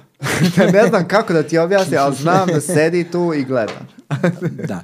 A intuicija spada u te manje izučene procese jer je teže uhvatljiva od toga kako ja vidim boju. Znači, jer ja sad kad vidim boju, ja mogu da ti menjam stimuluse različitih boja, da te smaram da odgovaraš, da merim brzinu odgovora, da menjam a, mogu fotometrom da izmerim tačnu svetlinu tog stimulusa. Šta. Kod intuicije a, raspon toga šta ja mogu da merim i kako, ne, jako umanjen. Da, tako? ograničen. Ograničen, tako da zapravo je dosta manje ispitana nego, nego ovi drugi neki procesi. Ja ne bih rekao da ona spada u percepciju, znači to je neki naš osjećaj koji se javlja u glavi, koji je verovatno posledica uh, dejstva nekoliko procesa. Mm -hmm taj osjećaj da te neko gleda uh, je verovatno, ja sad bukvalno ad hoc, onako pretpostavljam, a posledica toga što ti perifernim vidom možeš da uhvatiš nečiji položaj glave. Mm. A e, recimo jedan dan mojih kolega, uključujući mog nekadašnjeg mentora, se bavi bukvalno percepcijom pravca pogleda. To imaš jako zanimljive fenomene, dakle ono, zašto Tito stalno gleda u mene, a zapravo u svetu je to poznatije kao zašto Putin gleda u mene. ima, ima si svuda po, po, po gradu one kao gledam vas i to pudim. Da, da, da. A šalu na stranu u nauci se to zove Mona Lisa fenomen, mnogo je lepše da te gleda Mona Lisa nego, nego Tito Putin, ili Putin. Da. da. Ove, ovaj, a, taj, taj osjećaj recimo zašto slika uvek gleda u istom pravcu je posljedica toga kako mi analiziramo pravac pogleda i recimo kako ti prepoznaš da neko gleda levo, desno ili pravo od tebe, to je položaj očiju u odnosu na konturu glave i onda položaj dodatno zenica u odnosu na uh, beonjač, odnosno na, na oko. Pa ti recimo ako gledaš pravo u mene, ali skreneš oči samo, odnosno odu ti zenice u jednu stranu, ja ću da vidim da su zenice otišle pa ću to da mm. procenim kao a ja mogu da okrenem glavu u levo, ali da okrenem zenice u desno, pa će tvoj mozak onda da na neki način napravi jednačinu između položaja oka u odnosu na glavu i zenice u odnosu na oko, pa da vidi da ja ipak gledam pravo u tebe i slično. E tako da ja verujem da ako ti perifernim vidom lociraš njegovu glavu ili nešto, da možeš da posumnjaš mm. da on gleda u tebe. A, I to je verovatno deo neke intuicije u ovom slučaju, a, plus tvoje očekivanje, jer znaš, u jednom trenutku nama se dešava puno procesa, tako da ti sad vodiš računa o puno stvari, znači ti zamišljaš da me pitaš nešto, razmišljaš koliko vremena je proteklo, da li smo dosadni, da li sam se ja raspričan, nisam, da ja ide, šta ću da lupim sledeće, da, da li ću da popljujem vlast ili ne. I, mislio sam malo pre, ali sam se suzdržao. I, I sad kad, kad sve to, ono, pa čemu ti sad moraš da razmišljaš i sad sve to se vrti po tvojoj glavi, znači neki misli i ideje ti se tu roje, tvoje oči non stop gove ovaj me gleda i sad na osnovu tih misli, neš, postoji neki centralni procesor tamo koji to sve sabira jadan i, ovaj, i kao i ova baba moja to, to, to. E, I sad u stvari intuicija je negde verovatno na preseku svih tih procesa. Znači, evo da probam na ovom primjeru koji si rekao, znači tvoje oči ti sugerišu nešto polože njegove glave, ti imaš očekivanje da možda on vodi računa o vremenu i kad spojiš ta dva, negde pomisliš osjećaj, mm -hmm. da, da, da je neko tu. Uh, sviđa mi se što smo evo nekako i spontano počeli da se bavimo ovaj politikom. Po... nećemo, nećemo. Jo, bože, kako mi se me pročito, ne mogu da verujem. Ko, ko je ovde psihijatar? Uh, sviđa mi se što smo počeli da se bavimo ovaj vidom, jer uh, vid jeste nešto što je dominantno čulo, nekako poznato kao dominantno čulo. I ono što, ovaj, što najčešće čujem kada je vid u pitanju jeste percepcija sad boja, oblika i tako dalje.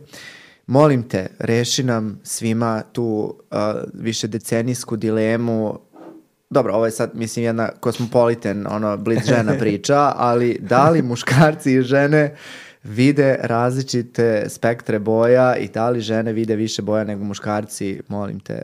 Um, I pozdrav za moje drugarice koje su sve pitale to. da, da, i ova zelena košulja. da, da, da. Na crvene cvetiće.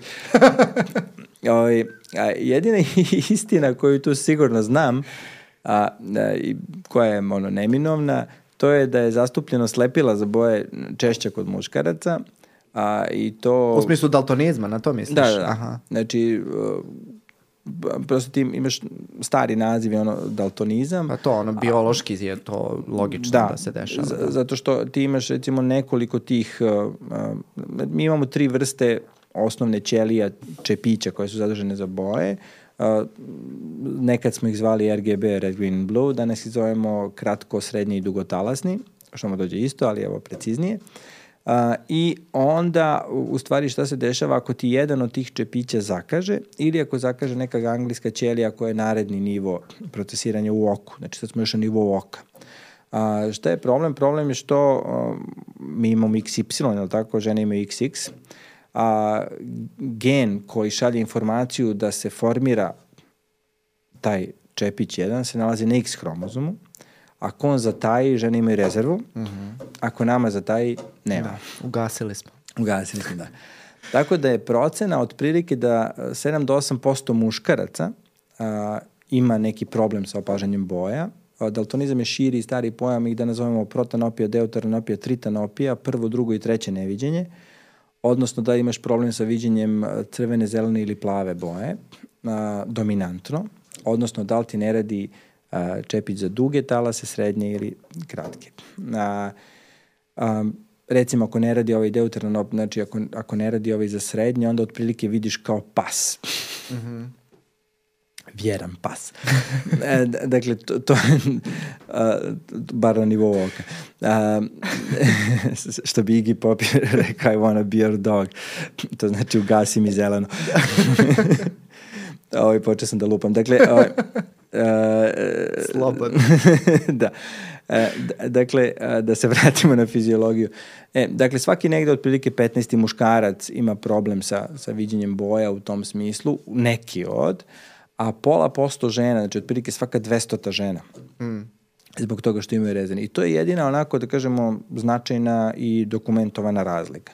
A, što se tiče a, da kažemo, ovih koji nemaju problem u fiziologiji, dakle, da kažemo, ono, normalnih kojima funkcionišu ćelije i tu, tu najverovatnije razlika nema, bar ne na nivou pola. Polje inače meni jako često u istraživanjima užasno dosadna varijabla, zato što se ljudi uhvate toga, naročito u društvenim naukama, kao ka, ka, ono, i naravno J.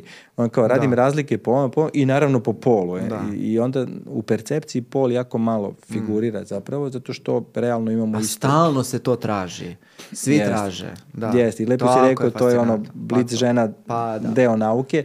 Nećete o... verovati šta sve muškarci ne mogu, a žene, a žene mogu, i tako dalje. I, I obratno. I obratno, da. Politički korektni. Da, pa, da. Ovaj, u ovom slučaju su muškarci nadrljali više što se boja tiče, bar na nivou ovih, dakle, daltonizma. A, ali sad, šta postoji? Postoji nešto se zove uh, anomalna tritanopija, uh, dakle, uh, a, dakle, anomalni trihromatizam, izvini. Znači, uh, postoje razna druga uh, oštećenja, dakle, postoje ljudi kojima to radi samo jedan čepić od ovih. Postoje oni kojima rade dva. Većina nas smo trihromati, dakle, rade nam sva tri čepića, ali postoji jedan procenat ljudi koji ima anomalnu trihromatizam. Šta je to? To znači da nama otprilike čepići za kratke, srednje i duge talase, oni vole da registruju neke talase oko 400, 550 i 700 nanometara dužine. Znači, otprilike su naštimovani na jednu varijantu plave, zelenkaste plave i zelene mhm. boje. A nekim ljudima ovaj plavi je malo pomeren ka tirkiznom, ovaj zeleni malo ka nečemu žućkastom, naranđastom, a ovaj crveni malo otišao ono neko jarko crveno. a, ali nemamo indicije, bar ja ne znam da, da je to recimo se češće dešava kod muškaraca ili kod žena, to je prosto jedan mali procenat ljudi koji ima to. A, svi oni čuveni primjeri života, kad ja kažem super ti je plava haljina, ono ispadne tirkizna, ili ono što ja nikad ne znam šta je roze, šta je ljubičasto, je u stvari verovatno ista varijanta kao sa ovim eskimima i snegom. Mm, mm. Znači, to je verovatno kulturološko učenje i koje nema veze sa opažanjem, nego sa time da, znaš, ono, devojčice od malih nogu u današnjoj kulturi ih češće uče da se šminkaju, da biraju garderobu, znaš, nama mm. to obučeš nešto crno i to je to, da, ili da. malo plavkasto da, da posvetliš. Da razbiješ. Da, ovaj, i da dodaš svetu malo boje. ovaj, I onda, i, i onda u stvari ti rasteš, znaš, ono, godinama u takvom okruženju i sad tebi, ono, dalje nešto tirkizno, ja, ja iskren da budem, ja pominjem tu tirkizno, jer to je nešto što sam naučio na studijama, kad sam diplomirao, pa sam pregledao kolokvijume kao demonstrator, a, imaš to jedno pitanje iz, na kolokvijum iz percepcije, a, ako se istovremeno stimulišu kratkotalasni i srednje talasni čepić, ispitanik će najverovatnije videti, to je plavi i zeleni, tako? Mm -hmm. I ova devojka lepo napisala tirkiznu boju. Ja ocenjujem, ja nemam pojma šta je tirkizna boja. I onda sam zvao sve drugarice koji, izvini, može vam šta je tirkizna? I tad sam naučio šta je tirkizna. Tako da... Ma ja... ajde, čekaj, čekaj, ajde tek ra, uh, razlikuj mi tirkiznu i azurno plavu, indigo plavu, mislim... Ono, da, da, ciklama, rezedo... Magenta. Magenta, da. E, to cmik je drugi sistem na, naziva za boje, ali recimo ja sam se šokirao kada je koleginica Ivana Jakovlje koja radi u Novom Sadu se bavi kategoričkom percepcijom boja, to je znači u smislu odnos šta ja vidim i kako nazive za boje, šta sve mm. zovem crvenom, recimo, šta sve zovem plavom. I onda je tražila od prosečnih govornika srpskog jezika da izlistaju nazive za boje. Ona tamo pominje sad, da ne lupam, mislim 30-40 naziva za boje. Znaš, mi se svi gledamo. mislim, mogu ja da klijem glavom okay, kako hoću, da, da, da. kojih 40. Već sam smislio fenomenalan naziv za ovu epizodu, kao nećete verovati šta su dva lika pričala o bojama, da nemaju pojma, nemaju, kao. e, da, a, a to je, zan... izvini što te sad prekida, kad pominješ već dva lika, pošto smo češće daltonisti nego, nego devojke, to su mnogo simpatične priče, bar meni, verovatno daltonistima nisu. U stvari da ljudi jako često kasno u životu otkriju. Da. Jer ti u stvari, znaš, ti vidiš neke nijanse, pošto se svet obično ne razlikuje samo u bojama, nego i u svetlinama. Mm. I onda mm. ti prepoznaješ razliku između, razlike, ali aha. samo ih ne vidiš mislim, ono, kad ja kažem zeleno, ovo koje je daltonist, on kaže da, ova tamna siva, ova je zove zeleno. Mislim, samo on to zove zeleno, to. Mm. I onda u stvari tek kad odu a, ljudi da se testiraju ono za auto, mm. pa im daju one išharene tablice, tek tu postanu svesti. Ili neki ljudi dosta kasno u životu, ima ono mala Miss Sunshine, kad film sladak jako, pa njen brat koji hoće da bude pilot, pa se zavetovo da neće da priča, pa dve godine nije pričao i onda slučajno u kombiju otkrije da ne vidi da boje, vidi pa ne može da, da bude da. pilot. Znači, dečko, Obožavam taj film, taj da, film je fenomenal. Slažem da, se da, potpuno, da. Je, da, u svakom pogledu, da. a meni je simpatičan taj, taj moment. moment to pažanja, da. U 18. godini provali da ne vidi boje. E, ali moram da ti kažem, imam primer iz života bukvalno taj. Znači, pričao sam sa jednim dečkom pre, ne znam koliko je vremena prošlo. On je inače bio dečko neke moje drugarice. I on kaže meni da do recimo čak ni na išiharinim tablicama, valjda su ti psiholozi u školi to ofrlje radili, pa nisu sad ni gledali kao ajde dobro, jel vidiš pet? Znaš, on, nisu ga, nisu pitali koji, nego kao, jel dobro, ajde vidiš, ajde, ajde, doviđenja. I, ovaj, I on meni kaže da je tipa do srednje škole nije provalio da ne vidi boje. Uh, on je boje video kao uh, brojeve, uh, on je boje pamtio u stvari kao brojeve na, na bojicama. Zamisli, jesi svestan da boj, bojice imaju boje, da, da, imaju da. brojeve na sebi? Da, da, one za školu. Za da. školu, da, da, da. I on kaže, ja sam nekako od uvek mislio da drvo bojiš šesticom, znaš, ono, i meni je to bilo, vidi on što ti kažeš, te nijanse, razlikuje on da li je to sad žuta ili je, ne znam, plava, u smislu tih talasnih dužina, ali u, uh, kaže, meni nekako, i, i ja sam mislio kao da, da su svi znali to, kao šesticom, znaš, I, ovaj, I kaže da je tek negde ono na, u srednjoj školi provalio da je u stvari to. Nije on, pretpostavljam, bio kompletni, ono, tri hromate, ali je bilo verovatno, to je, da. To, to je, da, dakle, ta, prosto dok, dok ne dođeš u situaciju konkretnu da te neko testira, ti ne, ne možeš da budeš svestan toga da ti nešto nedostaje dok ti je specifičan zadatak ne zahteva razlikovanje crvene i zelene, to je recimo najčešća, da. najčešća verzija toga. Recimo čest primjer je to Uh, jedan kolega često priča kaže da najveći stres u životu bio ga ga ćale povede beru šumske jagode jer su one crvene na zelenoj podlozi, znaš. I kaže, meni je to bilo, kao, gledam ćalete koji ide onako pip, ber, berucka, onako bez problema, kaže, ja poberem pola lišća, ne znam. To je, I uvijek sam se kao, pa su čak razmišljali da ga vode kod psihijatra, da ne u redu s njim, da, da, pa je da. neko provali da vratno ne vidi ti je? da, da, da. da. Ostavi to lišće. E, a on sad razlikuje jagodu od lista ako se približi pa po obliku, znaš. Aha. Samo njemu nikad nije bilo jasno i on je, kao što je ovaj tvoj drugar mislio da po bojama, kaže, kaže čovječe kako moj čale oko na daljini lepo vidi ove dve razlike sive. Znaš. Da, da. I njemu to nije bilo jasno kako čale vidi, jer prosto ne možeš, nemaš to u iskustvu. Drugo je kad ti do jednog trenutka znaš imaš u iskustvu, pa izgubiš to, mm. onda možeš da osetiš ovako. Recimo, meni jedna od fantastičnih stvari na prvoj godini kad su nam puštali uh, a, pokušaj da slepom čoveku dočaraju oblik vatre. A, znači, napravili su stolicu neku koja pozadi ima kao neke, pa, kako kažem, ta, nisu tačke, nisu šiljci, nego kao valjčiće ovako, koji ga bockaju po leđima po obliku onog što gleda. Znači, mm. sada kad gleda krug, oni ga bockaju obliku kruga. I onda razne stvari su mu puštene, vatru stave ispred njega i onda ga ovo bocka nekako onako čovjek u potpunom šoku. Kaže, ja sam uvek znao da tanjir ima oblik, ali nikad mi nije palo na pamet da vatra ima oblik. Jer vatru je on doživljavao kao toplotu, mm -hmm. kao energiju. Mm. I sad jednom to, to ima oblik. Tako da recimo, te stvari koje ti ne padnu na pamet, nama je normalno, ti znaš da nacrtaš vatru, jer je vidiš i vid ti je predstavi u vidu nekog nestabilnog oblika, ali nešto tu stoji. A čovek koji nikad nije video, koji je slep od rođenja, uh, za njega je vatra toplota, znači za njega je va, razlika između vatre i toga kad ti s polja uđeš u toplu prostoriju ne postoji. Mm. Znači za njega je vatra promena temperature, mm. nagle tu. I onda to, to je meni bilo wow. Vidiš njegovu ono ozar, ozarnost na licu, kao vatra ima oblik. Da. Wow. E, jako interesantno, ovaj, e, jedna priča baš onako vezana za to kao kako je vatru doživao kao toplotu. Imate jedan uh, koncept u psihijatriji, generalno u ovaj, psihologiji percepcije koji se naziva sinestezija. Kao ovaj, kada možeš uh, jednim čulom da doživiš uh, stvar koju inače doživljaš drugim čulom. I sad, eto, uprošteno recimo da čuješ boje ili da vidiš. I sad ako nisi na LSD-u, ovaj, pretpostavljam da možeš, ovaj, da, da ne možeš da doživiš to ovaj, kao tako. I sad ima jedan fascinantan lik kojeg je meni pričala profesorka Olivera Vuković, koja je inače dobro poznata u ovom podcastu, i ovaj, uh, zove se Neil Harbison. I on je imao uh, jednu antenu koja je, uh, pošto je on u stvari uh, sad ubi me, ne mogu da se setim, ali da li je e, slep, znači slep je za boje i uh, on ima tu antenu koja njemu um, boje, percepci, uh, boje percipira, odnosno konvertuje kao zvukove.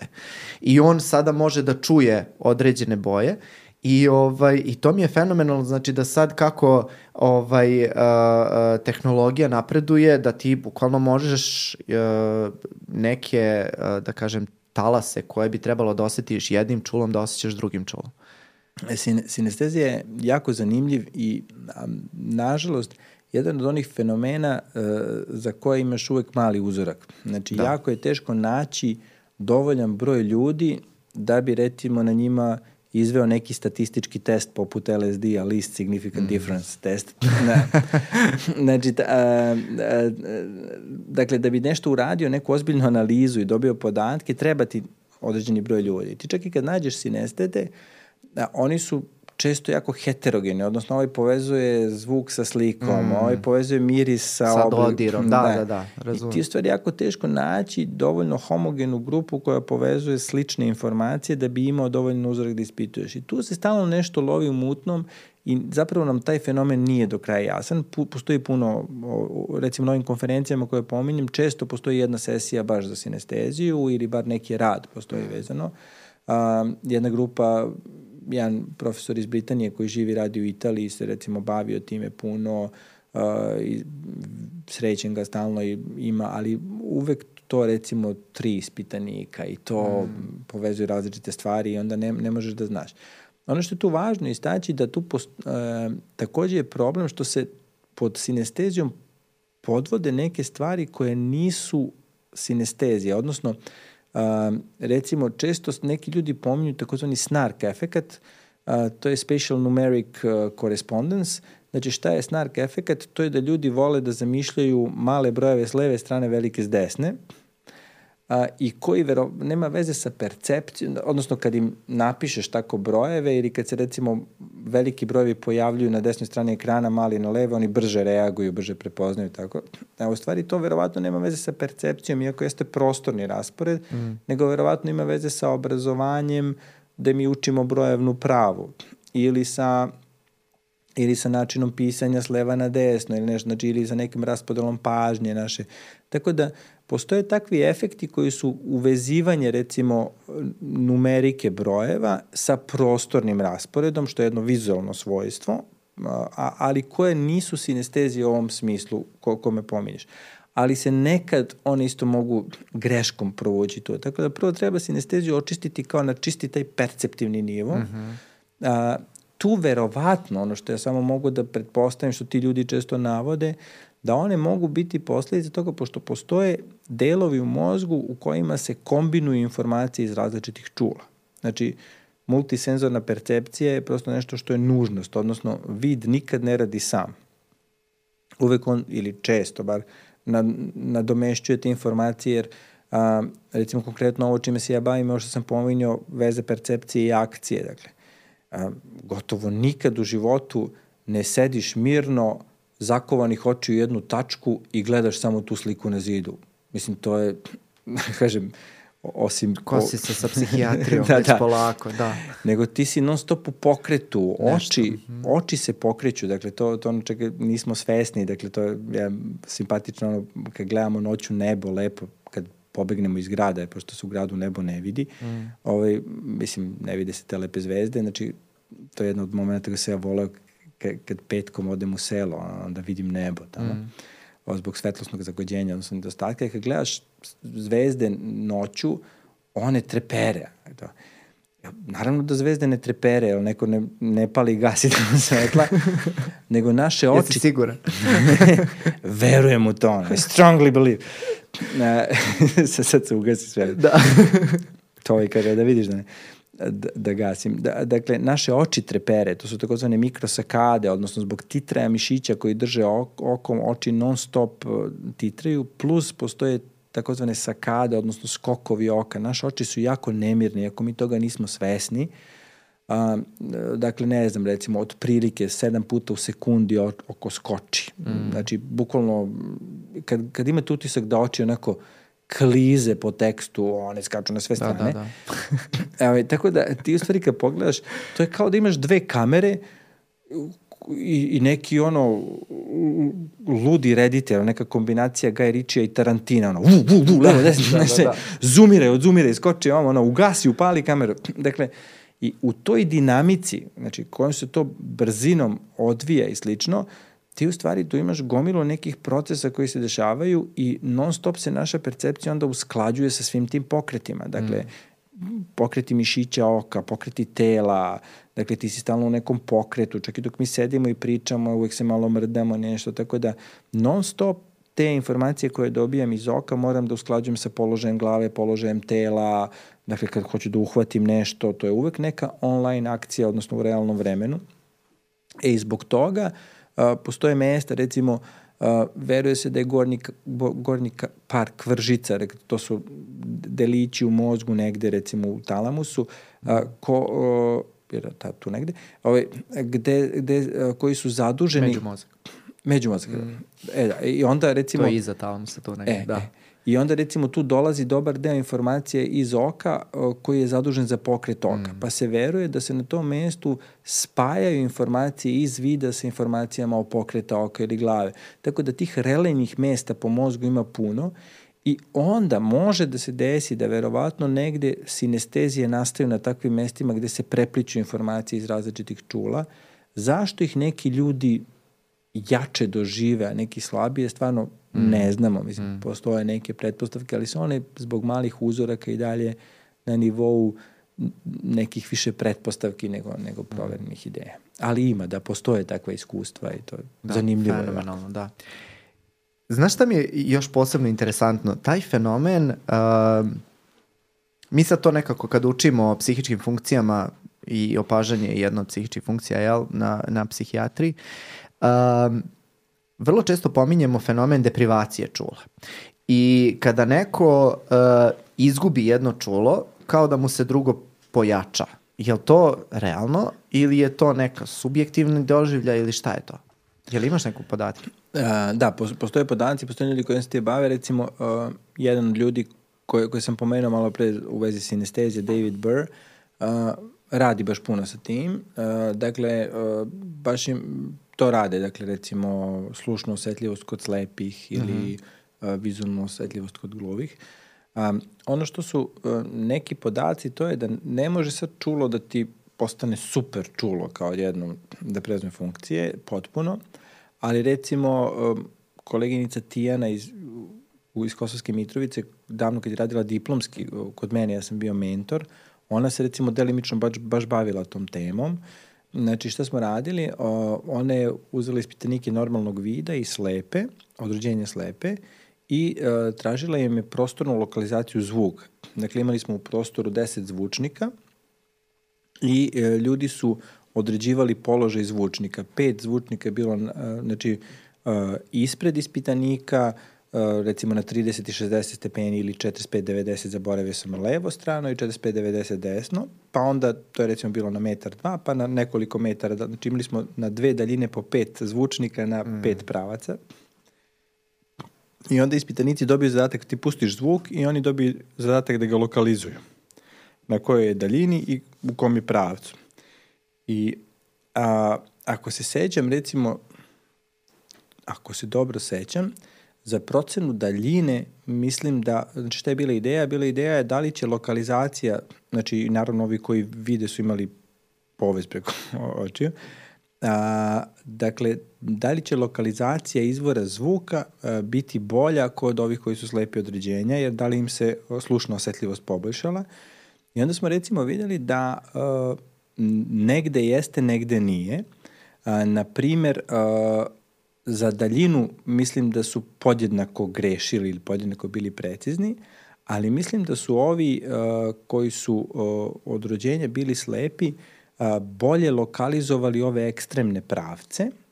Recimo kod ovog ka kanonskog pravca, znači ovo ispred nas tačno, podjednako su bili precizni, ali recimo ovi koji su, koji imaju normalan vid, oni su malo grešili kod ovih koji su levo-desno pravci, gde je tačno zvučnik, ili ovi koji su ekstremno levo-desno na 90 stepeni od nas, dok su recimo ovi koji su bili slepi određenja tu bili nešto bolji. Tako da taj podatak je nešto što se verovatno ponavlja u velikom broju istraživanja, to je da neko čulo malo se poboljša tamo gde može, odnosno mm. kao da preuzme deo funkcija uh, tamo gde može. Znači ne može potpuno da nam domesti uh, vid, jer uh, prosto vid ima puno prednosti odnosno na druga čulo što se tiče lokalizacije, to mu je velika prednost, ali tamo gde može neko čulo malo preuzme to. Ili recimo, uh, čak imaš i taj uh, primer Helen Keller, čuvena aktivistkinja koja je u jednom trenutku života oslepela,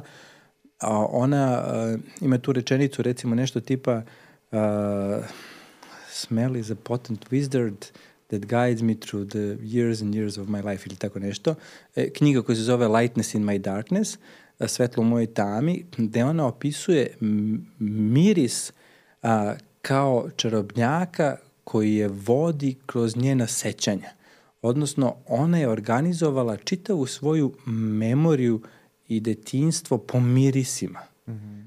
a, miris a, oko česme na kojoj se umivala, miris radne sobe, E, dakle, mi obično pamtimo detinstvo kroz slike, jer vidimo, ona koja je uslepila u nekom trenutku, je, miris je preuzeo tu dominantnu ulogu. Inače, miris ima značajnu ulogu u našoj memoriji, a, dakle, nije da je potpuno nevažan kod većine nas, ali njoj, a, dakle, mi uglavnom pamtimo u slikama, plus dodajemo svašta nešto, ali njoj, kad su slike nestale, znači kad, kad je oslepela, onda je miris preuzeo tu ulogu i onda je memorija bila dominantno organizovana kroz, mm. kroz miris. Da, interesantno što što kažeš, jer ja se najviše nekako u ovom teorijskom delu psihijatrije, najviše se bavim emocijama i uh, nekako je čulo mirisa uvek najviše povezano sa emocijama, zato što je nekako najbliže tim centrima koji obrađuju emocije, znači kao što si rekao, ta uh, olfaktivna kvržica ovaj, na, na, na bazi mozga koja je direktno, bukvalno povezana sa lim limbičkim sistemom koji je u stvari centar emocija i bilo mi je interesantno, to je jedna, e, jedna knjiga e, jedne žene koja se zove Florence Goodenough, vrlo ovaj, interesantno ime i prezime, pa sam zato i zapamtio, inače sam jako loš sa imenima, ovaj, kojoj, koja je bila slepa i gluva i ovaj, generalno e, gledali su da li postoji ista emocionalna ekspresija kod dece koja su slepa i gluva u odnosu na onu koja nisu i videli su da da, znači da postoje to nešto kao što su urađene emocije i tako dalje. I jako mi je to bila interesantna priča da čak kada i isključiš čula, u stvari imaš ovaj, tu emocionalnu ekspresiju, ali danas se ne bavimo emocijama, uh, ovaj, ali mi je bilo interesantno u, u tom kontekstu. Ali s druge strane, Ima jedan, kada govorimo o deprivaciji čula, odnosno isključivanju čula. Sad, to, to sve što si rekao, ima i onaj uh, slavni eksperiment uh, što je dobio Nobelovu nagradu, kada su jednoj mački ovaj, oslepeli je na jedno oko, pa je onda drugo oko pre, preuzelo funkciju ovog drugog i tako dalje. To je isto, ima jako puno interesantnih stvari, sad onako mi ovaj, eksplodiraju asocijacije u glavi, ali uh, sa, sa druge strane imamo isključenje svih čula. Znači, to je nešto što je, uh, moram da kažem sad u poslednjih deset godina vrlo aktuelna stvar, kada imamo ovaj, nekako, čula su nam u svakodnevnom životu potpuno preplavljena. Svakajakim informacijama, što vizualni sistem, što slušni sistem, što mirisni sistem i tako dalje. I uh, sada ima taj koncept potpunog isključivanja čula i ima jedna terapija koja se zove pool therapy, ili sad na različite načine su nazvali, ali to je bila kao inicijalna ideja, da ti ubaciš, ja ne znam da si gledao kako se, Stranger Things, mhm. znači uh -huh. uh, seriju, gde uh, ova mala koja ima kao super moći, Eleven, legne u uh, bazen koji je napunjen solju i tako i pot, potpuna, desi se potpuna deprivacija njenih čula kako bi ona mogla da ispolji te svoje moći koje ima i to nije potpuno, da kažem, nerealno, Znači, postoji jedna terapija koja se isto tako sprovodi. Dakle, gledali su da li se smanjuje anksioznost i depresivnost kod ljudi kada im isključiš sva čula. I oni su na, bukvalno namestili te sobe, znači stavili su ljude da plutaju u tim bazenima prepunim soli gde su ono, Uh, po, uh, potpuno uh, prilagodili, znači u potpunom mraku, prilagodili pritisak, prilagodili temperaturu, prilagodili sve, znači da bi sva čula bila isključena i zapravo su našli uh, fenomen, fenomenalne podatke. Sad naravno to nije još uvek uh, ustaljena neka ovaj, terapijska metoda, ali mi, meni je bilo interesantno šta se dešava kad potpuno pokušaš da isključiš čula. Pa jedini način da potpuno isključiš čula je da ubiješ nekog. Da, naravno. Jer to, to u stvari je nemoguć zadatak. A, dakle, ono što ti možeš je da uvedeš neki stepen deprivacije čula mm -hmm. a, i to je da zažmurimo, e, da stavimo ove slušalice na, na, na uši i da prestanemo da pričamo, dakle da malo smanjimo dotok zvuka. Stvar sa potapanjem u, baze, u bazene je do toga da imaš ujednačen pritisak na kožu sve, Tako svoje je. vreme, jer u stvari za osjećaj dodira je taj gradijent, odnosno promena pritiska na koži. Kad, kad uroniš ruku u vodu, ne osjećaš dodir vode svom, svom dužinom šake, nego samo tamo gde prestaje voda počinje vazduh.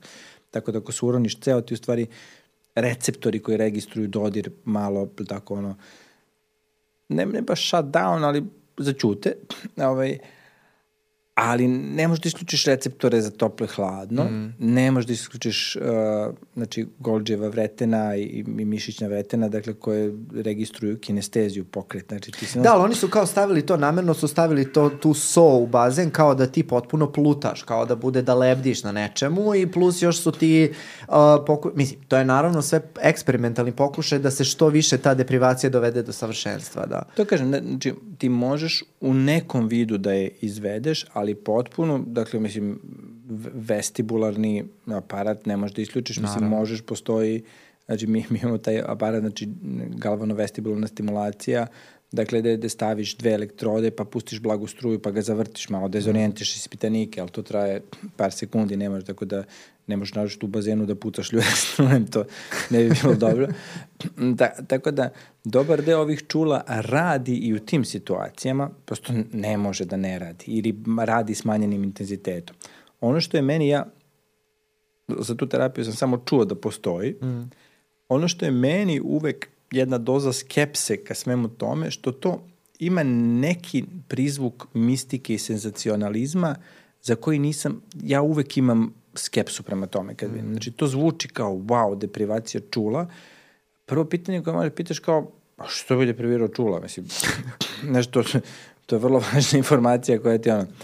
Ono na što ja mogu, ali da kažem, bukvalno ad hoc i polulajički da pretpostavim način na koji si opisivano malo što znam, da prvo šta ti radiš na taj način, ti na taj način relaksiraš čoveka. Znači kako relaksiraš čoveka, smanjuješ mu do, priliv informacija, priliv informacija koji kroz znači retikularnu formaciju, onaj uzadni retikularno aktivirajući sistem dolazi do do mozga i ti na neki način mozak dovodiš u nešto što liči na ono alfa stanje. Dakle, bukvalno neki ono reggae mod rada. znači, one love. Ne. A, moje uvijek pitanje Ali ti treba... Praviš od čoveka Boba Marlija. da, što nije loš. da. Ove, A moje uvek pitanje za to, ali ti za to treba bazen, so, to, ili jednostavno možeš čoveku kažeš lezi, zatvori oči i, ovaj, i mislim imamo ono sobe, ne mora bude ni gluva soba, kad se, znaš, ono smanjiš buku, smanjiš svetlo i čovek legne na krevet, ti, mislim, on će osjećati neki dodir veći nego u tom bazenu ali recimo ono što Ali moraš Oliver mora da, da mora da se uloži u to, mora to da izgleda, da e, deluje, znaš. To ono? mora budu slane da, sobe, to, slani to. bazeni, shutdown čula, znaš, znači ljudi se istripuju da, da su čula loša, znaš, pa znači, to, da, da krenu da, da. sebi da vode oči da, da bi smanjili anksioznost. Pa to ti pričam. E, ali to je kao što smo se verovatno istripovali svi da je perut bolest, ono, da, znaš, da. ono kao, a, imam perut, kako mi šampon, ono, znaš, treba objasniš sad ljudima da je perut normalna pojava, znaš, ono, gornji sloj kože ti se regeneriše, znaš, to su mrtve ćelije, ono, super je da imaš peru, stvari, znaš. E, kao smiri se, da. Smiri se, da, ali ono kao, ja, ja verujem da pola ljudi misle da je perut bolest, znaš to. Pa da, da, apsolutno. A zar ne misliš da može to stvarno da ide u ekstrem? Mislim, ono, znaš, ono, kad god se nešto tog tipa osmisli i, i donese, kao što je bila ono baroterapija u Srbiji ili ne znam to, da. matične ćelije, te ključne reči, znaš, kad, kad izgovoriš i doneseš to ovaj, u javnost, onda to što kažeš, ljudi idu, imaju tendenciju da idu ekstreme i sad ono, ne samo, neću ja da isključim društvene mreže, da smanjim input informacija na dnevnom nivou, nego ću da izvadim sebi oči, to mi je deluje delotvornije, da. da. Oj, ovaj, uvijek se plašim kad pričam ovakve stvari da nas neko ne shvati ozbiljno. Oj, ovaj, Pazi, ono, posle kaže, slušao sam psihijatra i profesora psihologije. A, dakle, o, ovaj, jeste, mislim, i taj moment senzacionalizma je nešto što prodaje priču i ja mogu da razumem te ljude koji je prodaju, ali ima recimo, skoro sam pročitao neki, neki lep članak eh, kolega sa, sa hemije, da, ne mislim da je to čak i studentski časopis Pozitron, za čuvenu himalajsku so. Znači, to ja, se kupuje. Bože. Sad sve to.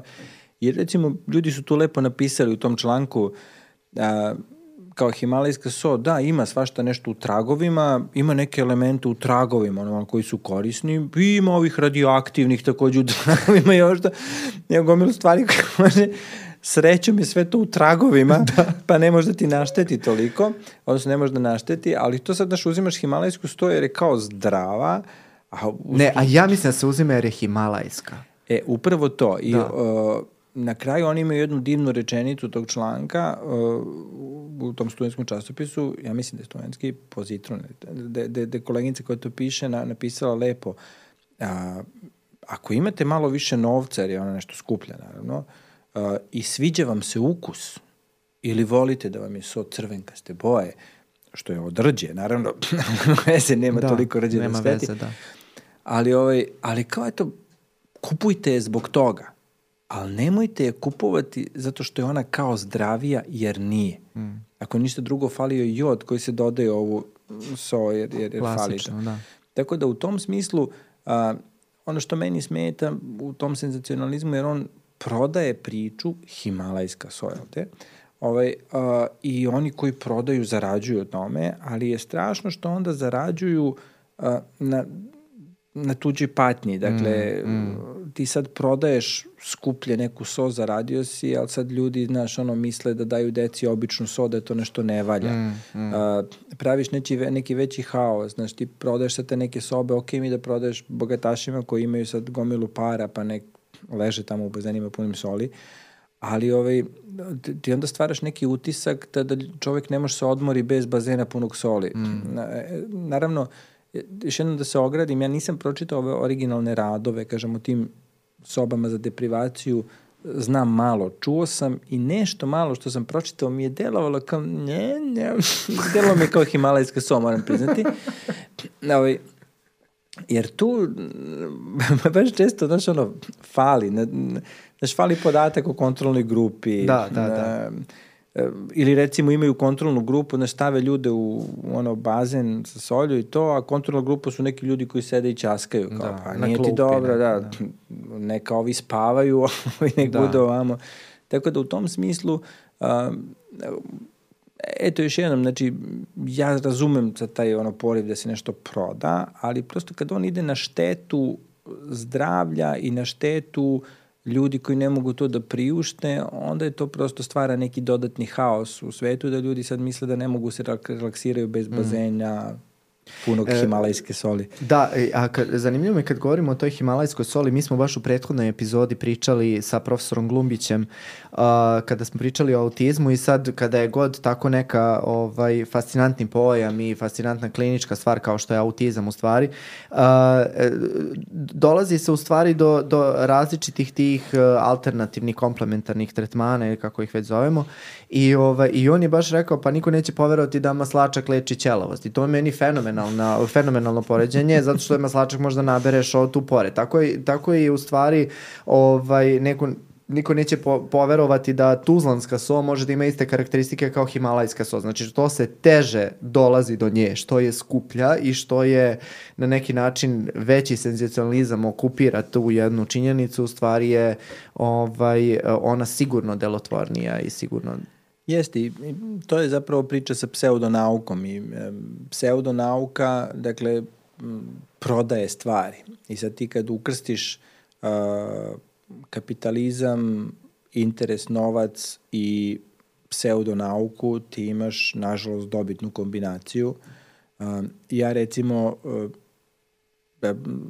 često to pominjem, uvezano za homeopatiju. Ja moram priznati da sam jako ljut uh, na, na naš uh, zdravstveni sistem kada je dozvolio da, da homeopatija uđe paralelno sa tradicionalnom medicinom u naše apoteke. Znači, a, to je neki sistem koji u Americi sve može tamo, tako da ti možeš samo posluzi da kupiš lekove i šta god želiš. Mi ipak pripadamo nekom evropskom sistemu gde država malo više brine o svojim građanima i ovaj, nadam se da pripadamo. I ono što bih ja očekivao, ja, ja ne mislim da treba zabraniti homeopatiju ali treba jasno reći da homeopatija nije medicina. A, ja nemam ništa protiv da neko ode kod homeopate i da veruje da mu je pomogao, jer u krajem slučaju taj homeopata može da izazove neki placebo efekat ja bi čak podržao u tom trenutku pazi, ako, ako čovek u haosu, u stresu, ne pomaže mu tradicionalna medicina ili suviše dugo i on ode kod homeopata i zbog placeba se nešto desi, super je, pojenta je da čovek, pom, pom, čoveku nešto pomoglo, ali sistemski uvlačiti i izjednačavati homeopatiju sa medicinom je u stvari strašno. Mm. Zašto? Zato što ti uh, u neku ruku kažeš čoveku da je uh, lečenje uh, kancera citostaticima i homeopatskim lekovima isto. Nije.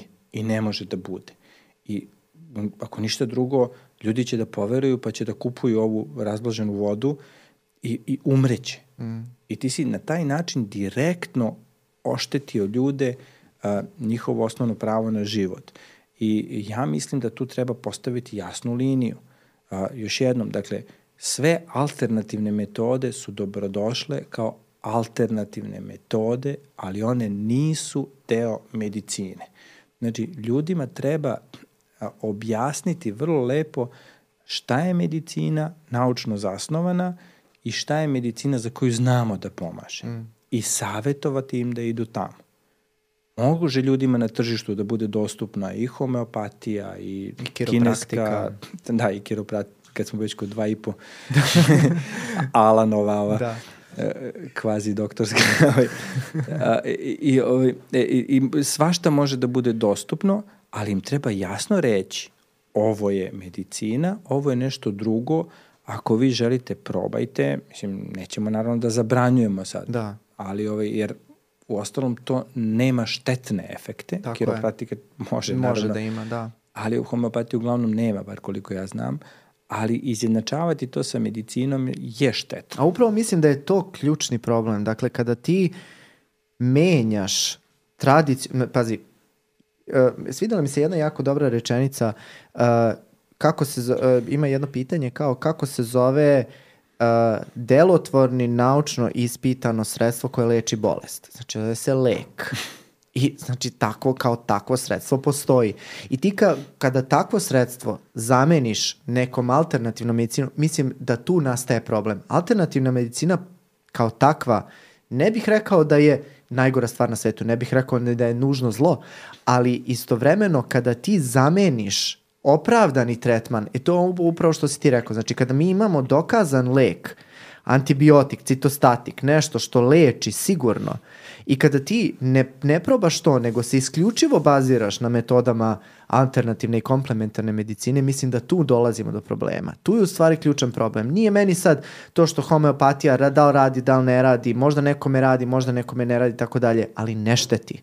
I mislim da je to ključno da, da poručimo široj javnosti. Znači da mi nemamo, uvek kažu ja, vi te medicinari, vi stalno ste protiv, ne znam, moje babe koja mi namešta želudac i tako dalje. Nisam protiv. Znači sve dok ti ne škodi, slobodno nameštaj ga do sutra.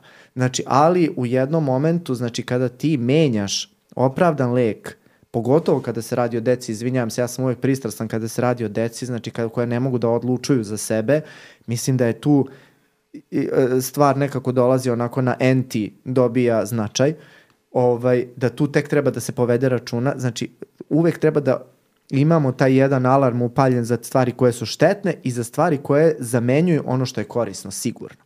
Jeste, me, mislim, ovo što pričaš i što pričamo me podsjetila, kad sam bio srednja škola, gledao sam neki film Michael Cimina, mislim se zove u potrazi za suncem ili tako nešto, uh, gde neki klinac, ono, kriminalac pobegne iz zatvora za teško delo, neobrazovani, kidnapuje doktora i sad tera doktor koji je kidnapovan da ga vozi negde. A, taj dečko koji ima 19 godina, recimo 20, ili 21, pošto je valjda u redovnom zatvoru u Americi, a, on ima rak i on umire. I on zahteva od doktora da ga vodi na neku planinu gde je njegov pradeda, indijanski vrač, oslobađa duhove i on želi da ga tamo oslobodi. Krenuo si da opisuješ orlovi rano lete, znači krenuo si da... da. e, I sad, tokom tog filma ti non stop imaš debate između njih dvojice, koje zapravo liče na debate, ono, da kažem, idealiste i realiste ili u krajnjem slučaju da kažem ono uh, skali i moldera da, ili da. recimo da. tradicionalne medicine i alternativne I ono što se meni svidi tu jednom trenutku, ovaj mali maltene kolabira a, i doktor provali apoteku, uzme neke lekove i kaže mu ja ću da te održim u životu dok ne stigneš na planinu, a ti onda oslobađaj svoj duh. Da. Tako da u tom smislu upravo ovo, ti imaš, ljudi imaju različite potrebe, ja mogu da razumem i te potrebe da, da se i posavetuju i da odu negde drugde i da ispitaju neke, ali ovaj, te stvari prosto ne smeju da budu u sukobu uh, ili da štete onome što je bazično, a bazično je to, proverena da medicina. Da.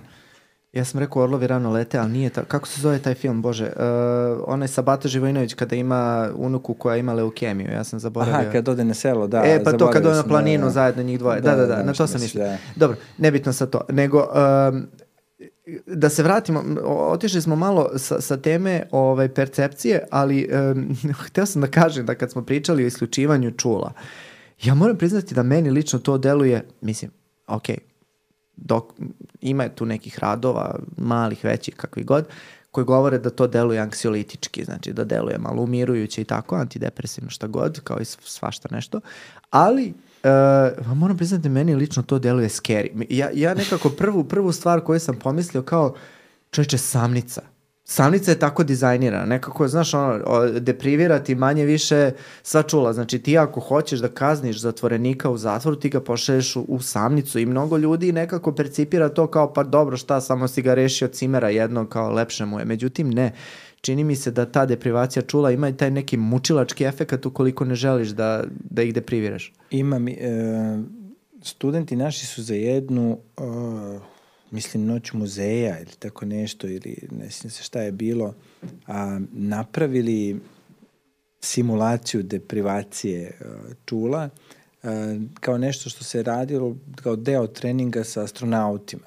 Znači, na fakultetu su napravili jedan kovčeg, znači, evo prično, nije bio ukrašen kao mrtvački, ali jedna kutija drvena, Podsećao je. Ne? Podseća, da, koji je potpuno bio unutra izolovan, dakle, od svetla, znači bio je, mm, imao je ono, zatvoren skroz, pa još pre, pre, prebačen nekom crnom čojom, da se, da, da, da se potpuno Užas. svetlo ne dođe, tako uđeš u potpuni mrak, staviti slušalice da ne bi čuo zvuk, ono to, i kroz uh, slušalice puštate beli šum, dakle, to je ono, šš, Ono što bebe uspavljaju sad s tim. Da, da, Aha. aspirator, da. Da.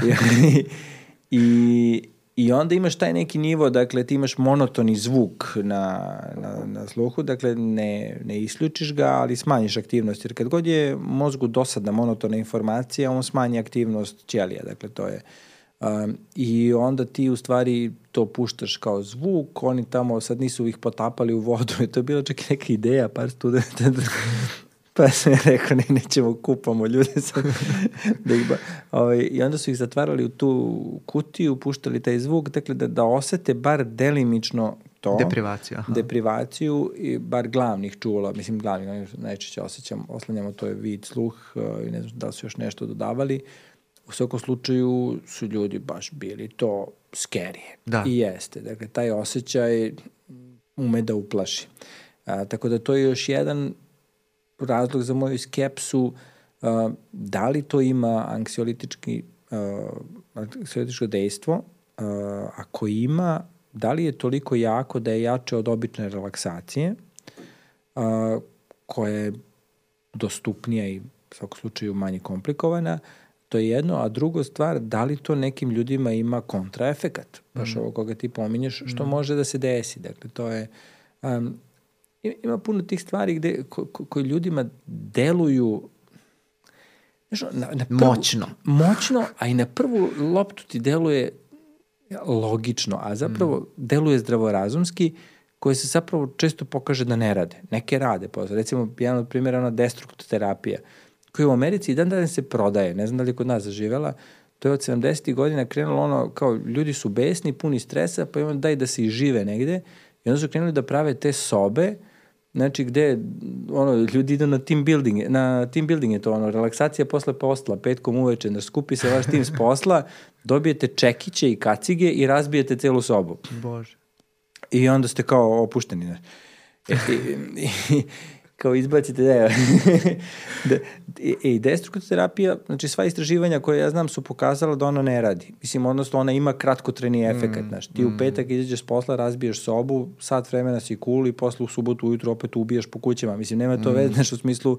Dugotrajnog nekog nema blagostanja, drugo, da. Ono što se pokazalo da ona može imati neki efekat ako je praćena dugoročnom psihoterapijom i konstruktivnim rešavanjem problema, znači ovim treninzima koji traju godinama i sve to. Dakle, ona je kao ono, uz, možeš pospan si, kljucaš, popiješ malo kafe da te podigne, pa onda neko mora da i tom. Tako da ta destruktivna terapija, to, to na prvu loptu ono deluje kao da, da, pun sam stresa i živim se i super sam. Pa ne radi tako. Mm, mm.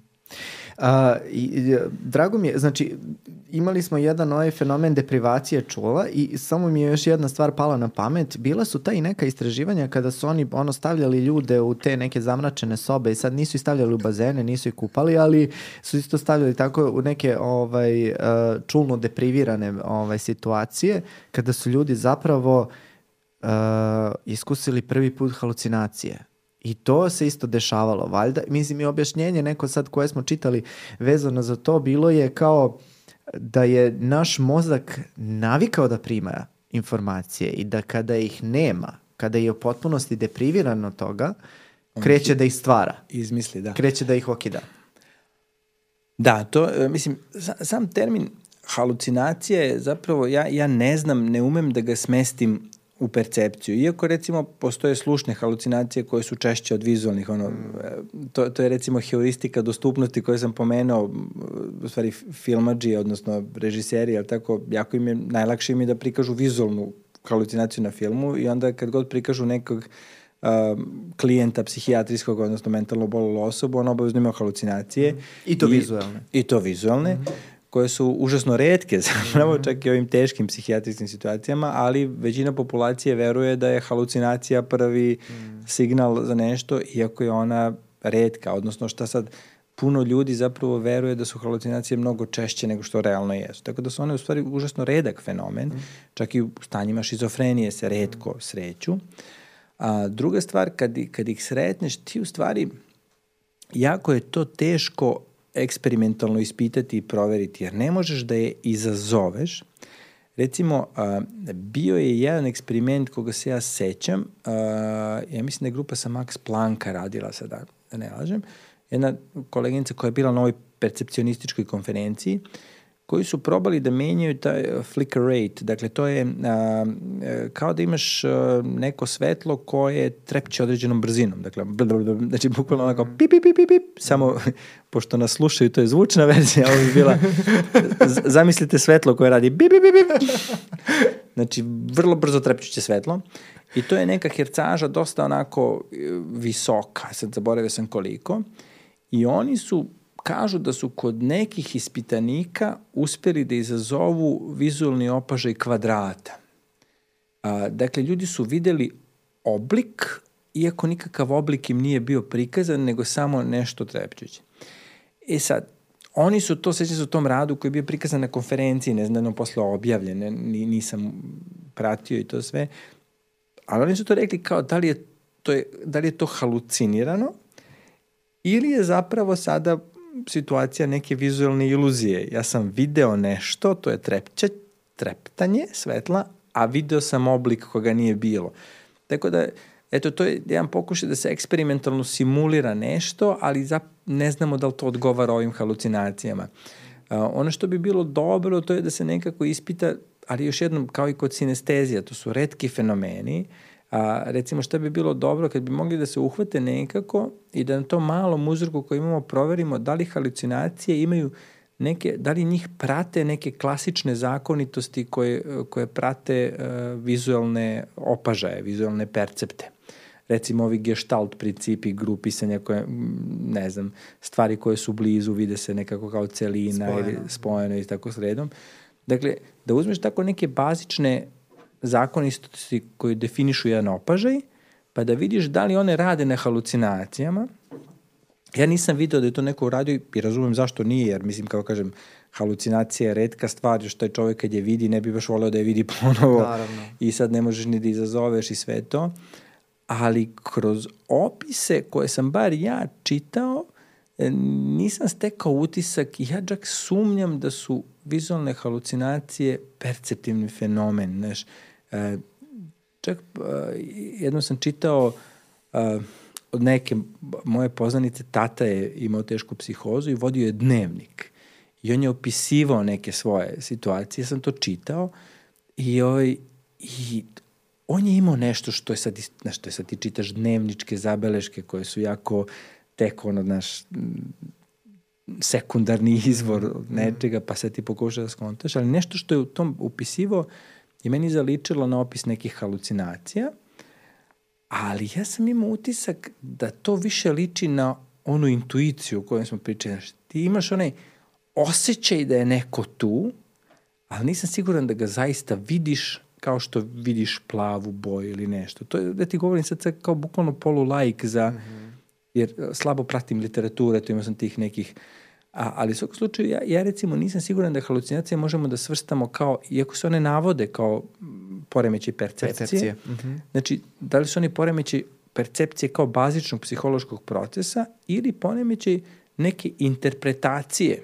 U smislu, znači, mi to imamo Kahneman i Tverski, uh, jako poznati autori koji su se bavili donošenjem odluka, to su jedini psiholozi koji su dobili Nobelovu nagradu za donošenje odluka, oni imaju tu ideju da mi imamo neke procese koji su bazični kao što je percepcija, znači to čula ti izveštavaju i ti prepoznaješ oblike, prostor, pokret, nešto, imaš mišljenje i imaš nešto između, između. ta dva, neki mm -hmm. međuprostor gde se tumači percepcija. Znaš, e, može da se desi da su halucinacije pre tu negde nego da su, e, da, da su greška rada čula. Mhm. Znači, ja bih ih zvao čistim perceptivnim fenomenima ako bi bile greška rada čula ili nekog centra, recimo V1, V2 zone, uh. -huh. girusa ili negde gde se obrađuju informacije. Ali ja pre mislim, kažem, ovo više nagađam, da, da su negde drugde. Uh, tako da eto, tu, tu je važno naglasiti to da, da halucinacije s jedne strane su redka zapravo stvar, naročito vizualne, a druga stvar, recimo, ovo što ti kažeš, pri sezornoj deprivaciji, opet ja ne znam, mada verovatno po svim, sad razmišljam u trenutku, po svim opisima to i jesu halucinacije, ali dešava se dobrom delu ljudi, znači i meni se dešavalo u onim stanjima koja su polusvesna, mislim kad ležemo da spavamo. Kad zaspivaš i kad, zaspivaš, kad se budiš. Da. Aha. Tu se recimo dobar deo ljudi izveštava, ne znam sad procente, meni se dešavalo, znam puno ljudi koji to kažu, da čuju neki zvuk mm -hmm. koga nema. Mm -hmm. Ili da čuješ da te neko zove, to je često. I to recimo liči na ovu priču koju si rekao da mozak tu procesira neke informacije i tebi ono uleti. Imaš te one perseverativne mreže po mozgu, da neka informacija se vrti, vrti, vrti i ona ostaje tu kao u nekom ono uh, između nekih neurona, recimo da banalizujemo priču, i onda kad ti zatvoriš oči, ona se pojavi, mm. jer je prosto ostala se vrti u nekom lupu. To je onaj, ono, znaš kad gledaš Isusa na onoj slici, e, ima one kao crno-bela slika, jeste, da, jeste. da, nakne one edetske slike, kao kad gledaš ovaj, crno-belu sliku pa pogledaš u zidi kao eto ti ga Isus e, to, to, to, ili Putin. To je važna razlika da možeš da, možeš da vidiš koga hoćeš, možeš sebe da vidiš ako ti da se... Da, to, to je važno, znači da se napravi razlika između eidetskih slika i, i, naknadnih slika. Eidetske slike su uh, redak fenomen, uh, znači to je ono bukvalno kada ti zapamtiš sve, celu scenu neku i ona se ne javljaju toliko često, mada znam da ih negde u literaturi izjednačavaju. Mm -hmm. Ovaj, a ovo su naknadne slike. Naknadne slike su nešto što može da iskusi svako i to vrlo često. Mm -hmm. Znači, pojenta je samo da dovoljno dugo piljiš u neku stimulaciju uh, recimo Isus malo prepomenuti uh, kako radi kako radi Isus ovaj, Inače, sada je mala digresija, pa se vratim na Isusa. Jedan od najslađih ovaj, trenutaka mojih je bio kad, kad, sam, e, kad su me zvali teolozi da, da na jednoj zaista finoj e, konferenciji u Trebinju e, pričamo o, o vizualnim iluzijama. Uh, I onda, znači, u sali puni teologa i sveštenih lica sam prikazao Isusa. Isusa. I onda sam rekao, rekao, sad će vam se prikazati on. I moram pisati da, da, da je odziv bio neverovatan. Dakle, e, to je, to je kad vidiš onako, e, znači, mi, mi sad imamo čak i neki stereotip prema teolozima i sveštenicima da su svi sad nešto dogmatski. Naprotiv, dakle, mm. ovi ljudi su bili fascinirani, smejali su se, valjali su se smeha, postavili su mi pitanja mm -hmm. koja su bila potpuno onako... Uh, naučno zasnovana. Mm -hmm. Jako su bili raspoloženi za diskusiju. E sad, šta je Isus? Mislim, naknadna slika. A, dakle, može jednostavnije od Isusa. Recimo, dobar primjer za to imaš četiri kvadrata koji su četiri ove boje, dakle plavo, žuto, crveno, zelena i onda piljiš negde u sredinu da vidiš sva ta četiri kvadrata i kad pomeriš pogled jedno 20-30 sekundi je dovoljno, znači ti kad gledaš u to ti navikneš, radiš neku vrstu adaptacija ćelija, Pa odnosno na nivou čepića, znači na nivou oka tih ćelija, ti u stvari kada posmatraš jednu boju, radi se sinteza ili razlaganje jednog proteina, recimo rodopsine ili nekog takvog. Tako da ti recimo sad ako gledaš jednu boju, taj protein se sintetiše i dok je gledaš dovoljno dugo, sintetiše se puno njega i ti kad onda pogledaš beo zid, pošto se on puno sintetiše, on krene se razlaže, više ne gledaš tu boju. E, a mozak njegovu sintezu tumači kao, recimo, crvenu boju, kao razlaganje kao zelenu. Mm. Inači, ti gledanjem bele podloge, mozak će vidjeti zelenu boju na beloj podlozi. Mm. To se mm. dešava sa Isusom, u smislu ti kad pogledaš, ti, ti u stvari gledaš negativ da. neke skice da. Isusa, I onda u stvari, e, pošto gledaš negativ, tamo gde je bila crvena, pojavit će ti se bela boja i obratno. Dakle, to je, Kakav često kažemo, ono, primer, ako, ako hoćete da vas ono, Uh, ne znam, ideš na put pa hoćeš da te partner ono gleda non stop, daj mu negativ, reci, da. gledaj da. 20 sekundi, pojavit će ti se na svakom da, zidu da, po kući. Da. Ili na putu ako voziš kola. Kao. Da, da, da. Je, to, to je poželjno. Da, ovaj, e, ali e, drago mi je što si pomenuo taj, znači, pored e, deprivacije, čula imaju jedno takođe ovaj, fenomenalnu sposobnost, a to je ta fenomen adaptacije koja mene uvek ovaj, fascinira. I uh, ja sam to iskusio na mnogo načina, sad ovaj, jedan od najčešćih ono koji se čuje sad u različitim sferama, ali ovaj, kad god idem kod mojih ovaj, kući i prolazim pored neke užasno ovaj, smrdljive deponije gde smo se jednom trenutku zaustavili zato što nam je pukla guma I, ovaj, I onda, znači, nismo mogli, znaš, nismo mogli da dišemo ovaj, neko vreme i ovaj, negde posle 15-20 minuta onda kao, ajde, dobro, sad kao pusti, ne možemo više da se bavimo gumom, ne da se bavimo time što smrdi. I, ovaj, I navikli smo se ono u jednom momentu. Ili ono, ne znam, odeš kod frizera, krene da duva onaj, ne znam, fen i na kraju te uspava. Znaš, kao toliko se opuzira da te uspava, više te ne nervira, više te ne uznemirava. Uh, adaptacija. Fenomenalan fenomen, stvarno. Jeste, uh, i jako značajan i uh, to je poseban odeljak, dakle, uh, i postoje ljudi koji se baš bave adaptacijom, perceptivnom adaptacijom, ili se nekada koristi adaptacija kao tehnika da se nešto ispita u raznim opažanju boje, svetline ili slično. Uh, e sad, adaptacija je zapravo verovatno uh, posledica toga da, uh, kao što, uh, dakle, ovo malo pre sa dodirom, dakle, uh, nema svrhe da ti konstatuješ nešto što je konstantno, jer kad je nešto konstantno, to je, da kažem, baseline, to je, mm. dakle, to je tako. Mm -hmm. e, nego čula uglavnom konstatuju promenu. Tako kad, kad malo onako da, da banalizujem. Znači ti kad za, zamočiš ruku u vodu, ti konstatuješ promenu između vode i, i vazduha i tu osjećaš dodir. Uh, A, evolutivno je to važno. Zamisli da ti uh, osjećaš dodir svuda. Mm. Pa ne bi mogli da se obučemo. Evo ovu stolicu da osjećam, mislim sad trenutno sve vreme. Majicu, da. Majicu košulju, da. dakle, ove slušalice. e, to bi dovelo do jedne hipersenzitivnosti, preosetljivosti. Znači, za, pa mislim, u ostalom, naš, da, da, mogli bi da osjećamo da nas vazduh dodiruje. To bi onda ličilo mm. na psihopatologiju, mm. tako? Mm. Jer ti, u stvari, ta preosetljivost čula uh, te na neki način čini nefunkcionalno. Opterećuje. Opterećuje te. Zamisli, recimo, da se ti preseliš kao ja, recimo, iz sela u grad i da ti se ne adaptira nivo sluha na to šta je bazični nivo buke. Pa kao. Pa kao, dakle, Da, dakle, prsovi posle tri dana, tako, ali vrlo brzo se zapravo šta, tvoj um, na, znači ono selo, mirno, ono, crkuću ptičice, tako malo Jeste, pa, pa dođeš u centar grada do, i nadrljaš, da, da. Da, ja sam recimo počeo da živim u, u Loli, ili tako, i onda tramvaji kad jo, prođu, trese se ceo dom, Bože. srećemo ono poslednji krene u jedan, da, jedan, dva kad ide, po, znači ono, još noću, znači onako malo ga nagare brže nego što mi smeli pa, pa sve se, a soba mi je gledala baš na bulevar. E, sam misli da, da na to ne možeš da se adaptiraš, da se mm. navikneš. Znači, ti bi u stvari živeo u jednom konstantnoj izloženosti informacijama, to je, dakle, kao da uđeš na buvlju pijacu i bombardujete sa svih strana informacijama ili u neki tržni centar. Mm. Uvijek se izgubiš kad uđeš tamo, bar ja. Mm. E, i tako, e, dakle, funkcija adaptacije jeste da te dovede na nešto što, što je u nekom datom trenutku uh, neki bazični nivo dotoka informacija i ti kaže, ok, sad ovde postavljamo granicu. Ono što je jače od ovoga je to, ono što je ispod je uh, smanjenje nečega.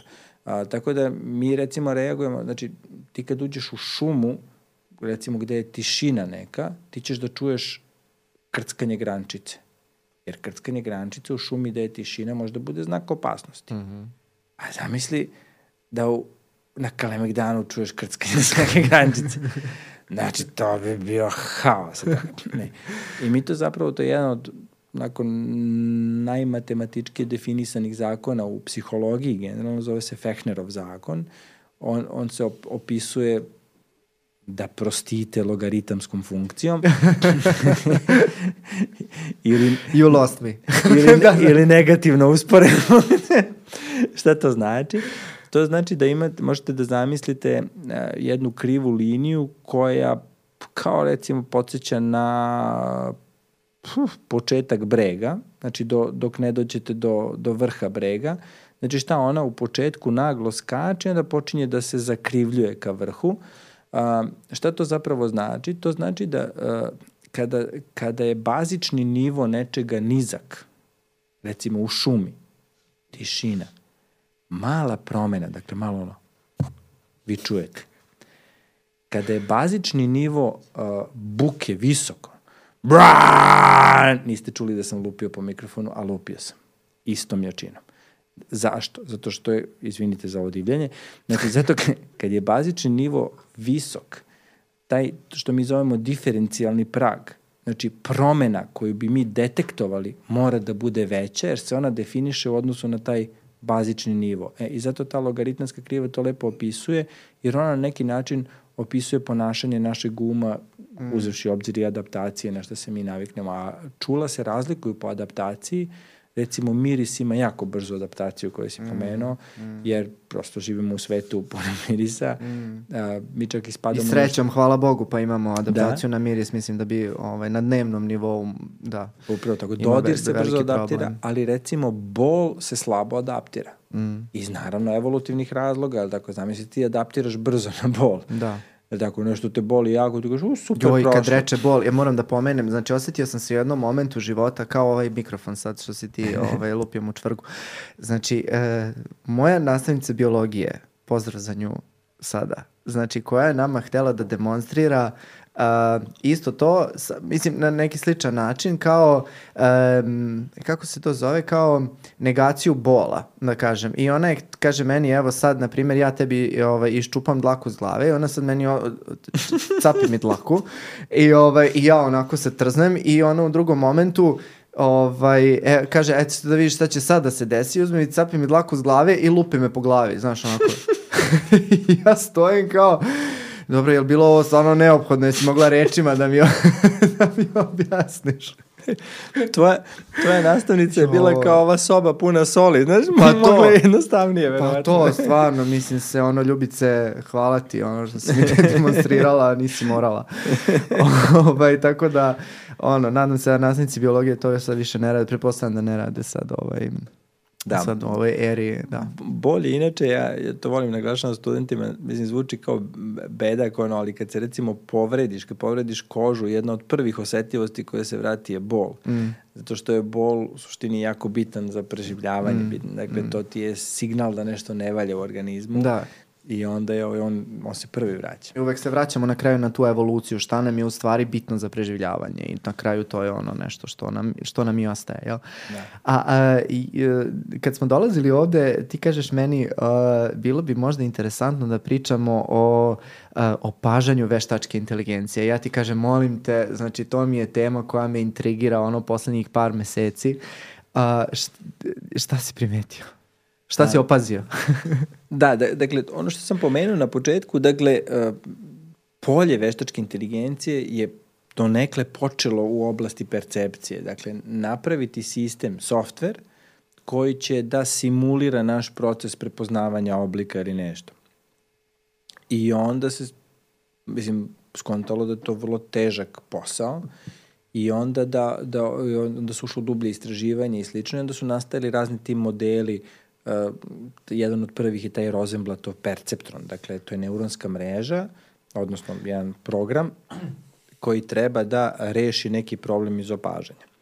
I to je jedna linija istraživačka koja je imala svoje uspone i padove, a koja i dan danas postoji e, i e, dakle baš je živa linija a, gde sad ti kad otkriješ neki perceptivni fenomen, recimo pominjao sam mesečevu iluziju, znači ti sad treba da napraviš a, a, program koji će da greši u opažanju veličine meseca. E sad, ali lako je napraviti program koji će da greši u opažanju meseca, jer mu kažeš ove je veđe, on će ovaj da kaže.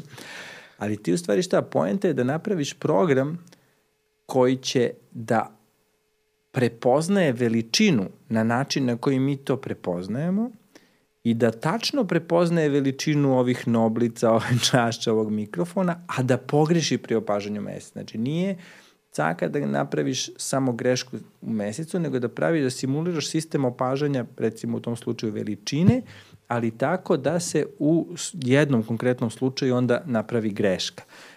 I sad postoje razne mreže koje to rade, ne postoji do dan danas neka mreža koja je dovoljno sveobuhvatna da simulira čitav proces opažanja i recimo simpatično je ti se kažeš postoji ono uh, konferencija koja je posvećena psihologiji opažanja, a, a zanimljivo je kad recimo odeš na tu konferenciju, onda sad postoje ono sesije... Da, naš, subkonferencije. Da. Subkonferencije, bukvalno. Znači sad, recimo, e, zanimljivo je, znaš, e, sad unutar toga postoje ljudi koji se bave opažanjem E, prostora, veličine, ovih gestalt principa, svetline, boje.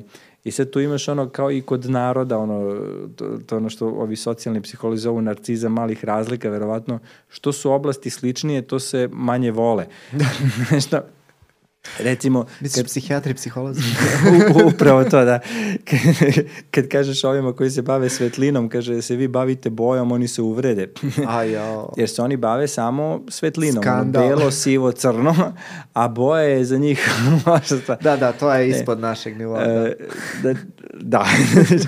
E sad šta je, šta je poenta? Poenta je da vidiš koliko su te oblasti dakle, razvijene i bogate istraživanjima, da zapravo ljudi često kažu koji se bave opažanjem svetlinom, da jako malo znaju o opažanju boje. Mm. Dakle, do te mere je specifično. E, zašto sad sve ovo pričam? Pa ti imaš modele veštačke inteligencije neuronskih mreža koji rešavaju neke probleme uh, viđenja svetline.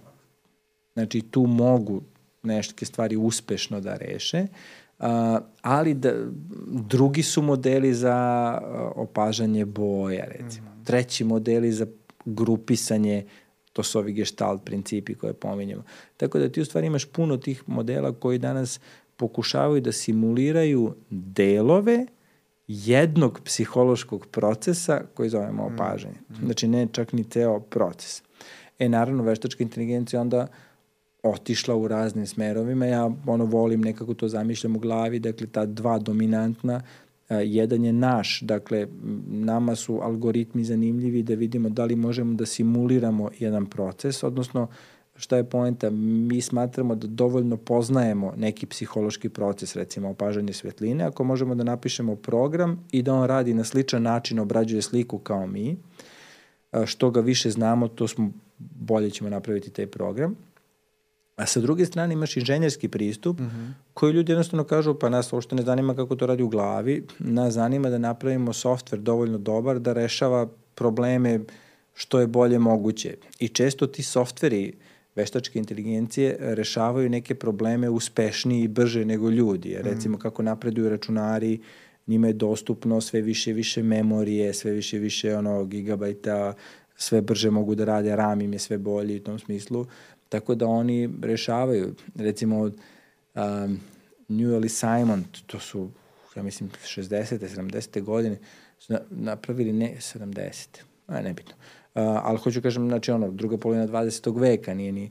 Uh, napravili su nešto zvao GPS, General Problem Solver, Uh, to je program koji je trebalo da rešava neke probleme, ne opažanja, nego mišljenja, donošenja odluka nekih. Uh, I šta se pokazalo, oni su, on je, mislim, radio serijalno ili tako nešto, znači ono, jedan pa drugi i to. I, znači, punili su ga informacijama i vrlo brzo se pokazalo da je njegov najozbiljniji problem to je što rešava probleme koje ljudi ne mogu. Ja. razumiješ, Ugasi, ugasite. čak i na tom nivou razvoja računara, koji odnosu na današnji bio daleko Smešan. ispod, mm -hmm. ti si imao softver koji radi nešto bolje nego ljudi, mm. zato što prosto radi na drugačijim principima, ali inženjerskom pristupu uh, veštačke inteligencije je to poenta, njih zanima zapravo mreža da. kao mreža softver, nama ona služi eto kao podatak o tome koliko smo razumeli neki proces. A znaš što je meni interesantno? Znači, ok, opažanje kao takvo mogu da zamislim da može da se reprodukuje. Uh, u smislu da ti imaš stimulus, da ćeš imati kameru koja će na isti način da procesuira informaciju kao naš mozak. Međutim, ono što je oduvek nekako bilo pitanje, kako filozofa, tako i psihologa, što verovatno i ti već znaš, kako se u stvari ta informacija prenosi u naš subjektivni doživljaj. Znači, mi sigurno ne vidimo isto crvenu boju i ne osjećamo se isto u tom trenutku kada ugledamo crvenu boju ili kada ugledamo uh, stolicu ili kada ugledamo neku strašnu scenu koja nam se dešava. Uh, I bio je jedan fenomenalan eksperiment koji je meni nekako ovaj, uvek bio fascinantan. To je misaoni eksperiment, o, najbolja glup, grupa eksperimenata, on sediš i razmišljaš.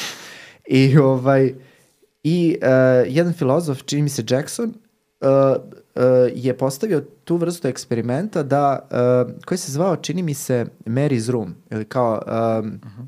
Maryna soba, gde je Mary bila kao ta neka na, neuronaučnica koja je znala sve o opažanju. Znači, znala je e, tačnu talasnu dužinu svake boje, znala je kako se opažanje dešava kroz seriju neurona, čula receptore, centar e, u mozgu i tako dalje. Znači, sve je to, ali je živela u crno-belom svetu. I e, nije nikada videla boju u životu I u jednom trenutku se da ona je živela negde u budućnosti, recimo nekih 2200. godine i tako dalje. I, ovaj, I u jednom trenutku se desio glitch na njenom ekranu i ona je ogledala crvenu boju. I sada je pitanje tog filozofa da li je ona mogla da prepozna crvenu boju isto onako kako ju je zamišljala kroz tu seriju uh, istraživanja koju je znala. Znači ona je znala sve informacije koje su dovodile do toga da ona vidi crvenu boju, ali nikad zapravo nije videla. Da li se ona isto osjećala kao što je mislila da će se osjećati kada zapravo ugleda crvenu boju. I to je ono što je meni uvek bilo fascinantno. Znači, kada bismo, evo recimo, raščlanili, otvorili sad ovde tvoj mozak, srećom tom ne radimo u ovom podcastu, ali kada bismo uradili, znači kada bismo ga raščlanili na neurone i da, da, beži što pre.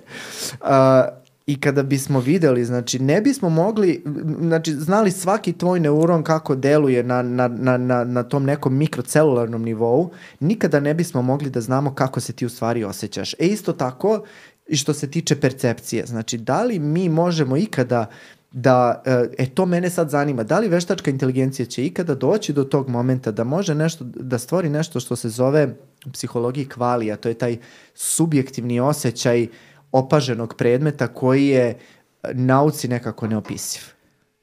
Um, ja, ja mislim da si otvorio jedno od suštinskih pitanja psihologije kao nauke, ovaj, ne, koje se ne dotiče nužno veštačke inteligencije, dotiče se kako si naveo. Da, to me trigerovalo, da. Ali, ali se zapravo psihologija tu vrti stalno oko toga.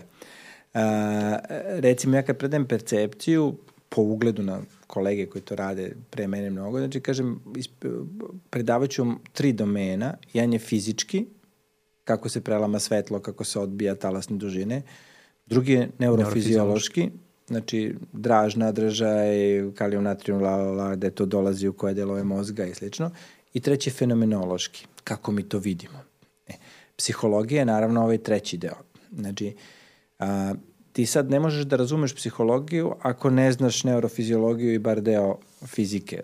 Mislim, bar to oko svetla, ne moraš da, da, da raspravljaš... Biofiziku, da kažemo. Bio, da. da, ne možeš da raspravljaš o prirodi svetlosti, a, da. ali bar te neke osnovne stvari moraš da znaš. A, e, tako da, sad, šta je taj treći deo? Šta je fenomenologija? Šta, šta je taj naš doživljaj? To je zapravo pitanje koje si ti postavio. A, negde skriveno, kada o tome pričamo, ja recimo čak kad smo pisali a, učbenik za, za srednju školu, sam osetio da se i meni, a, koji ću sad da ispričam nešto drugo, ali da, da bukvalno u načinu na koji sam pisao sam skontao da, da imam tu zamku, a ta zamka se zove dualizam. Znači, a, mi smo nekako implicitno u svemu što govorimo pretpostavljamo da smo deus ex machina, da smo duh u mašini. I mi zapravo doživljavamo sebe dvojako. Znači, da imamo telo i da imamo duh. Mm. Iako zapravo, znaš, to je staro, par stotina godina ta ideja i ona, ti danas kad vidiš sva istraživanja i, i filozofske ono, teorije, a, nisam siguran da smo mi spremni da napravimo jasnu distinkciju između duha i tela. Mm. A, E sad, tu postoji jedna zamka kad ih tako spojiš, a ta zamka se zove redukcionizam. Da svedeš fenomenologiju, da svedeš doživljaj na potpunu aktivaciju neurone.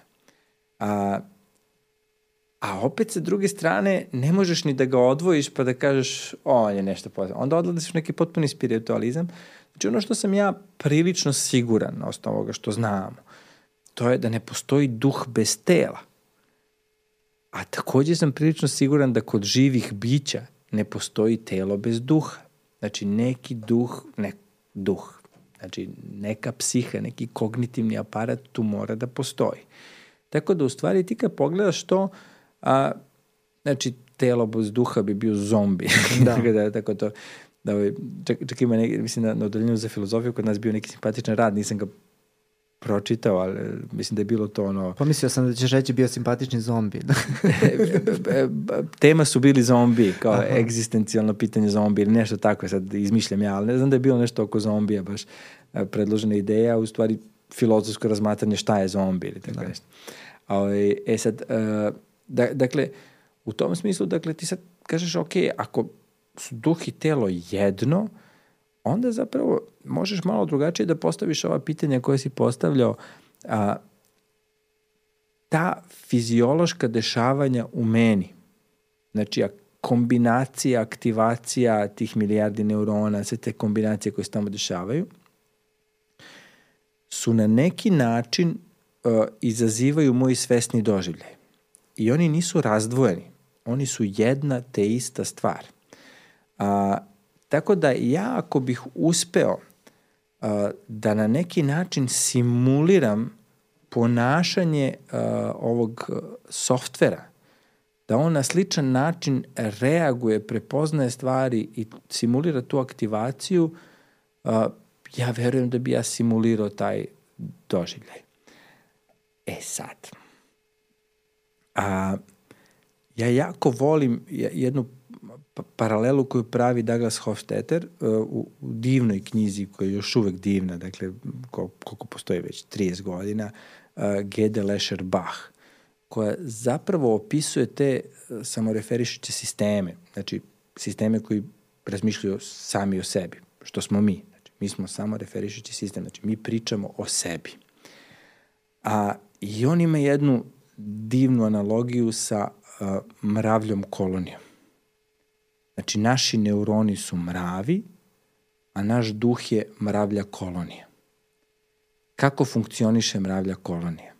Ona funkcioniše kao jedna celina, kao zbir aktivacija gomile mrava, koji ostavljaju onu hemikaliju i ostavljaju tragove drugim mravima, koji prate te tragove.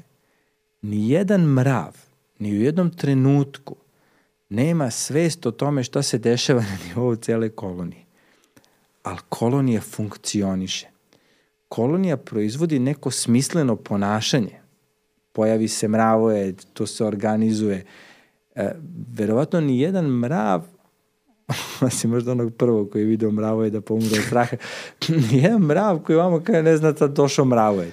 Nego do njega dolazi signal, mm. beži, informacija, sad, informacija mm. on to prenosi i sad mravi počinju da se kreću i organizuju, oni menjaju ponašanje cele kolonije. Pri čemu većina ili nijedan mrav nema svest o tome šta se dešava, ali kolonija menja ponašanje.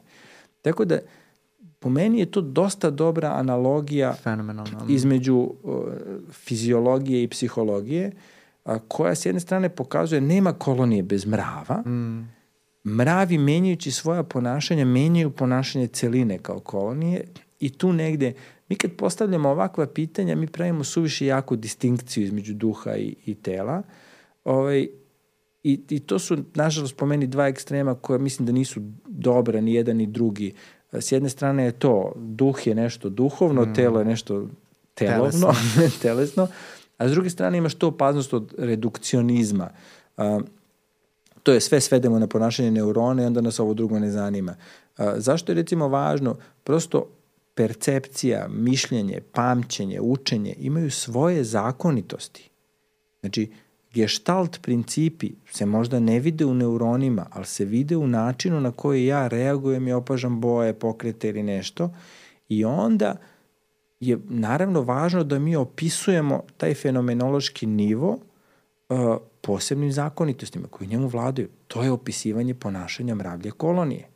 Pojavio se mravojed, reorganizuju se fight, flight, šta ti ja da, znam šta mravi da. radi. Ove, a, a s druge strane, a, ti je važno i da znaš ponašanje pojedinačnog mrava, da bi znao kako signaliziraju međusobno, odnosno kako sinapse rade, kako se da, prenosi informacija, da, da, da. tako redom kad pravimo distinkciju između duše i tela i sad što kažeš to je nekadašnja nekad bila podela, međutim u pop kulturi moram da priznam da se vrlo često pominje u kontekstu halucinogena. Kako se duša i telo sjedinjuju, mešaju, granice tvog ja, selfa, sve se ruši se, sve potpuno vizualne distorzije dešavaju se na svim nivoima čula, kreneš da čuješ boje, da vidiš mirise, da ne znam, ti ima potpuni haos. I ovaj, jel znaš, jel znaš u stvari šta se dešava kada neko uzme neki halucinogen, da pojasnimo, znači mislimo na psihoaktivne substance, odnosno droge, to su ono najpoznatija LSD, ovaj, sintetička droga koja u stvari izaziva ovaj ceo haos koji se dešava u mozgu. Šta to uradi našim čulima? A, nisam neki ekspert da bih mogao sad, znači, do detalja da, da opisujem to. Znači ono što je, imaš tu nekoliko ono um, zabluda, a to je, prva je a, da naš doživljaj da se nešto desilo izjednačavamo sa tim da se to stvarno desilo. Mm -hmm. Recimo što out of body experience, to je izašao mi duh iz tela, koje mogu bez problema većini ljudi da izazovem. Mm -hmm. znači, i recimo taj eksperiment se radi, Znači, kako se to radi? Jo, jedva čekam da čujem. znači, mislim, eksperiment, to je, kako kažem, simulacija, mislim, postoji objavljen rad na tu temu. Znači, kako to izgleda? Recimo sa VR naočarima je do, dobro izgleda. Znači, tako što uh, ti staviš uh, VR naočare, imaš kameru koja te uh, snima s leđa uh, i ja pokazujem, znači kameru koja, koja snima tvoja leđa i ja držim u desnoj ruci nož Mislim, malo je scary, ne mora nož, znači, ali... Znači, sad razmišljam, bože, kome, pre, na, nad kim vi izvodite ove eksperimente? Ko to je, mislim, ja pričam originalne eksperimente, sad sećam da to malo liči na ovu tvoju profesorku, biologije, ne, ne mora nož da bude, ali ne znam što je ljudima palo nož, ja to gledaju horror film. Znači, Slenderman. Ono. Znači, probaj da zamislim, znači, ja sedim, gledam u tebe, imam VR naočare. Dobro. Znači, gledam preko naočara snimak sa kamere. Kamera je, snima mene sa leđa. E sad, a, ti stojiš pored mene, u svojoj levoj ruci a, držiš neki tup predmet, ne držiš nož, a u desnoj držiš nož. Mm. Simultano praviš pokret levom i desnom rukom, znači a desna ruka u kojoj je nož se pom, je, mi stoji iza mojih leđa. Znači desna ruka pomera nož od mojih leđa ka kameri, a leva tvoja ruka, u trenutku kad ja pomerim desnu ruku ka kameri, leva ruka lupi mene po grudima ovim tupim predmetom. Znači, razumeš šta se dešava? Ja nož pomeram, recimo zamisli da, da si Sve ti ispitanik. Sve nije mi dobro, da. Znači, a, ti imaš VR naočare. Dobro, ajde, evo čekaj. Kamera je jedno metar iza tebe dobro. i snima tvoja leđa. Okay. Znači, ja držim desnu ruku sa nožem na tvojim leđima i pomeram nož od tvojih leđa ka kameri. Aha. Istovremeno kad pomerim nož ka kameri, ja te svojom drugom rukom lupim po grudima nekim drugim predmetom. Uh, da. E, a šta se sad dešava? Kamera snima pomeraj noža, Noža da. i ti gledaš ono što snima kamera. Da. Ja u stvari vidim nož koji... Vidiš nož koji ide ka tebi. Približava se, da. a u stvari vidiš nož koji ide od tvojih leđa ka tebi, jer, jer vidiš svoja Svoja leđa. leđa, da, da, znači, da. vidiš svoja leđa na kameri, vidiš nož koji ide od tvojih leđa ka tebi jer gledaš i u trenutku kad, im, kad vi misliš da nož stiže ka tebi, ti osjećaš udar u grudi. Mhm. E, i na takav način kad se to ponavlja, recimo minut dva zbog ove adaptacije čula i slično, Mhm. a, dok vid, a, znači dok mozak poveže vizualnu Prokljuvi. informaciju, Mm. po, povezuje prosto vizualnu informaciju sa taktilnom, sa dodirom po telu, a, ljudi izveštavaju da osjećaju da nisu ovde, nego da su pola metra iza sebe. Razumeš? Da, da, da, Ljudi osjećam kažu- se kao da sam na LSD-u trenutno. da, da. Eto vidiš, ne treba ti hem, Ne treba, hemija, ne, apsolutno, dovoljan da. je VR. I ti. da izazoveš, ono. I ti, i ti, misliš I ovaj ti, da, Spielberg? da, Ekstraterrestrial. Ovaj, a, da, dakle, znači još jedno, znači e, ti u stvari možeš da izazoveš taj out of body experience, to ne znači da je tvoja duša izlazla, izašla iz tvog tela, nego samo znači da sam ti ja raspario vizualnu informaciju sa Sa dodirom, dodirom, da, da. i ovaj, uh, samo koristeći sada kameru i, i, i dodir. Tako da ljudi često u tom, recimo, mislim da je obiljen i članak sa, sa tim, dakle, uh, kolege koji se bave psihologijom ličnosti su to simulirali kod nas na fakultetu, pošto njih je zanimalo, recimo, da li taj osjećaj korelira, da li, je, da li je izraženiji kod ljudi koji imaju povišenu onu deltu, dakle to je Goranov instrument mm. O, koji govori o tom, recimo, psihotičnom, čudnom, odnosno Olivera, ne sklonosti znaju svi ko je Goran, molim te. kolega Goran Knežević, izvinjam se, da. Ja sam se opustio, zaboravio sam da imamo mikrofon. Da. ne da nas ljudi slušaju. Dakle, a, Goran Knežević ima taj instrument delta koji meri te neke psihotične ili sklonosti Takozvanu psihotičnim reakcijama, da. psihotizaciju, da. I to je recimo neko neobično mišljenje, neobična asocijacija, sklonost nekim čudnim povezivanjima i slično. I onda su oni mm, hteli da ispitaju da li ta osobina ličnosti je povezana sa jačim doživljajem ovoga. Ne sjećam se šta su dobili, da budem iskren, ali znam da, da, znači oni su koristili taj zadatak da, da izazovu out of body experience, znači da si ti. E sad, zašto sam ovo sad pomenuo? Pa zato što uh, ovo ti pokazuje da ti možeš da doživiš da ti je duh van tela, iako realno nije. znači, E, I onda ljudi u stvari kad dožive tako nešto, misle da su otplutali iz svog tela, a zapravo i može da se, može da se desi da je jednostavno povezivanje kontradiktornih informacija iz dva čula, kao u ovom slučaju. A, da li droge rade nešto slično, ne znam, ali može da se desi. Recimo, um, banalan primjer, mislim, jedne svima dostupne droge, to je alkohol. Dakle, zašto vidimo duplo? Dakle, nekad kad popijemo više. Znači, a, alkohol baš deluje na, recimo, gornji par kvržica koji smo po, po, pominjali, na neke neurone, pa a, a, uništi koordinaciju pomeranja dva oka. Tako da oči, pošto oči se koordinisano pomeraju, vi možete da, možeš da fokusiraš nešto što gledaš. Kad popiješ malo više, onda ti malo razludiš Malo ti oči ode to, da. i onda one ne idu koordinisano, pa onda u stvari ne možeš da fokusiraš. A kad oči ne fokusiraju nešto, to, to dovodi obavezno do tih duplih slika u mozgu.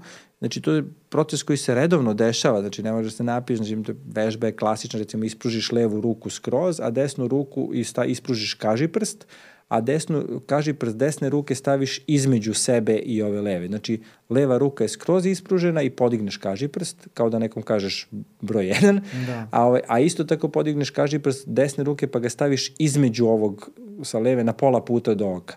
I onda kad fokusiraš recimo ovaj kažiprst na levoj ruci ti uh, i obratiš pažnju vidit ćeš da vidiš dva ova kažiprsta na desne, znači dupli se. razdvajaju se. Znači sve, sve ono što nije fokusirano mi vidimo duplo, samo ne obraćamo pažnju pa nam nije. E, I onda ti u stvari kad raspariš pokrete oka, uh, ti dobijaš duplu sliku. I onda zato se nekad kaže da ljudi kad se alkoholišu jako vide duplo.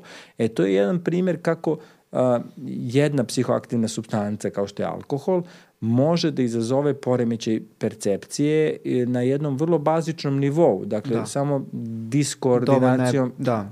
ra, rada očiju. Droge, mislim, droge kao u eksperimentima se redko koriste, Mhm. zato što, nažalost, mislim, imaju puno negativnih, nažalost, Da, da. imaju puno negativnih efekata. I etički vrlo upitno. I da, etički da, jako da. upitno, naročito što, što su teže, opasnije su i sve to. To je bila taj neki ono 60-ih, 70-ih, onaj Lirija koji je bio i psiholog. On jeste, jeste, da. hippie da. pokret, pa on to tune in, tune out, mm. uključi se, ispadni. Uh, i on je nešto se zalagao za tim, za to da kao droge otvaraju neke da. vrate percepcije. I otišao je... zatvor na kraju. Pa da, mislim, da. praktično čovjek voleo se drogira i on nije nikad bio naučnik da je, dakle, i onda ljudi nekad pomisle to da će droga da otvori neku percepciju, mislim, ne, ona samo razludi neurone na nekom hemijskom nivou, tako da vam zapravo rasturi neki normalan proces kao što alkohol ovde uradi na ovom.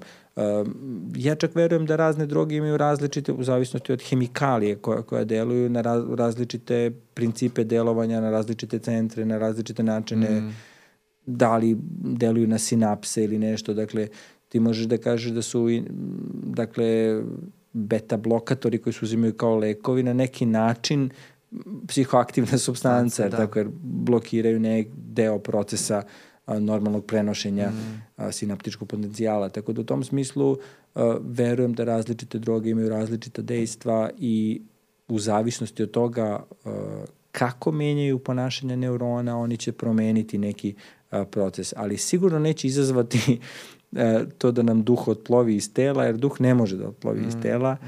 ma koliko se to nekima sviđalo ili ne, ono, duh i telo su jedno. Da.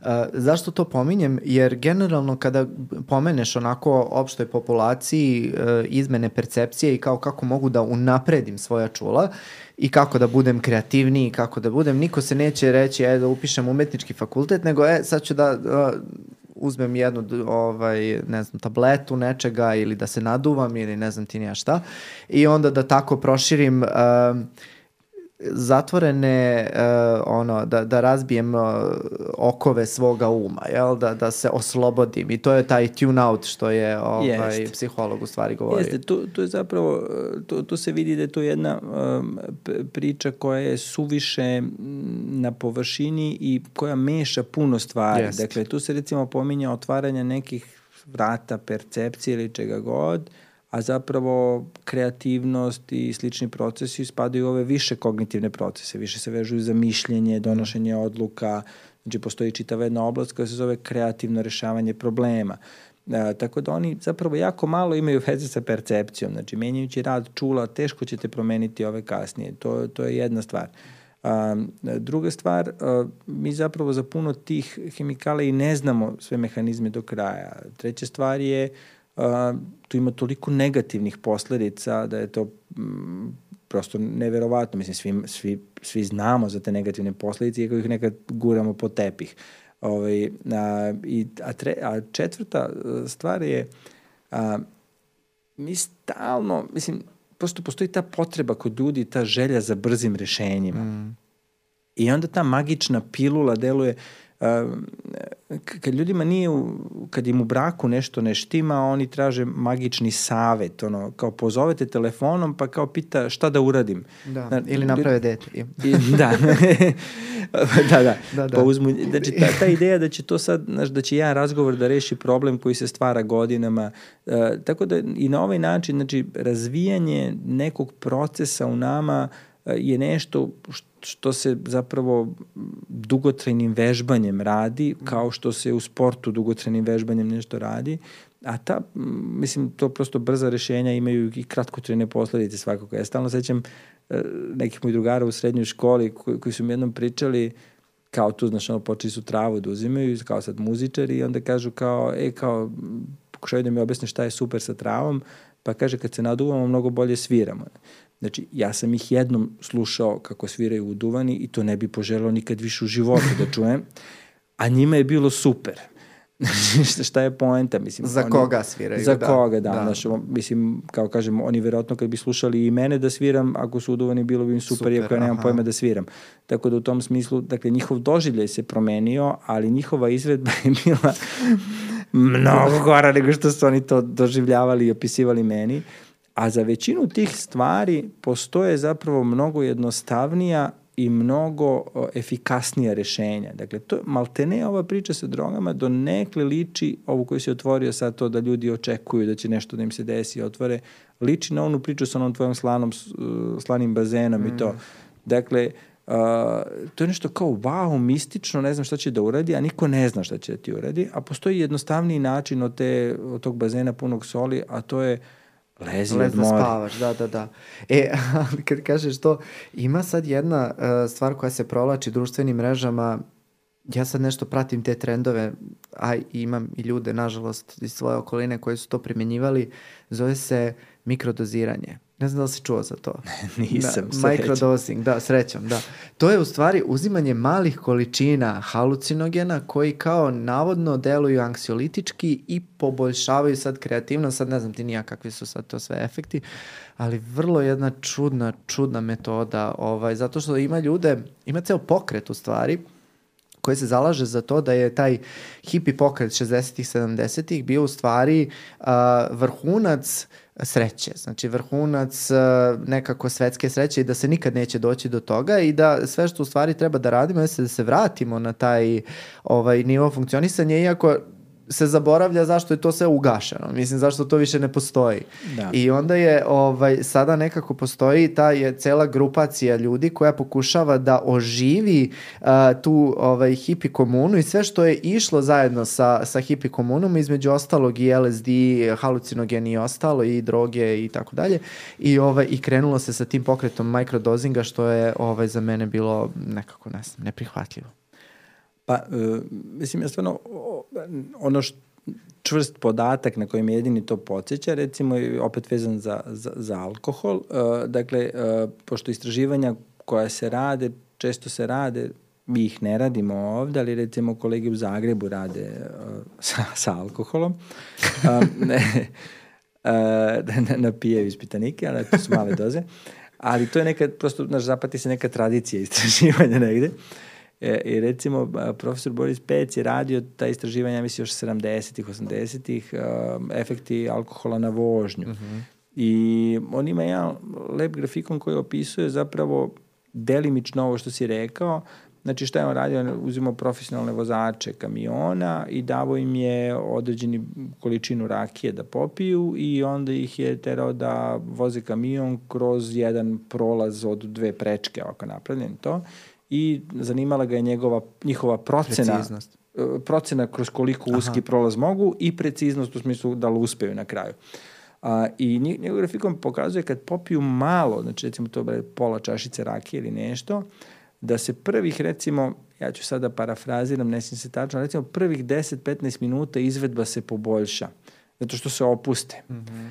Ali posle tih 15 minuta ona toliko opadne, tako da Ja isto sumnjam u te mikrodoze, jer to je u stvari prvo je jako teško definisati šta, šta je, je mikrodoza. Aha. A drugo, čak i ona ako u početku ima neki neko poboljšanje koje je blago, naglasim, znači to opuste se, ono vrlo brzo počne da, da opada mm. je taj efekat i recimo sećam se njegove rečenice, kaže kojom zaključuje, kojom opisuje lepo sve te efekte, kaže, a naši ispitanici, profesionalni vozači kamiona, uh, kaže, sa što više popijenih čašica rakije, kaže, ne samo da su smatrali da će kamion proterati kroz uži prolaz, nego su se i više veselili rušeći ga. Oni su se vodili u stvari onom rečenicom, znaš ono, kad čuješ u našem narodu, ma on najbolje vozi kad popije, znaš ono. Jeste, jer to zapravo isto ta rečenica opisuje nešto što je jako opasno zapravo kod, i kod alkohola. Kad se okuraže, to, da. Da, znači skače ti samopouzdanje, da. a izvedba opada. Mm. I ta rasparenost samopouzdanja i izvedbe je u stvari, jer ti onda misliš da si bolji, a realno si lošiji mm. i onda to dovodi do, do nesreća često. Da.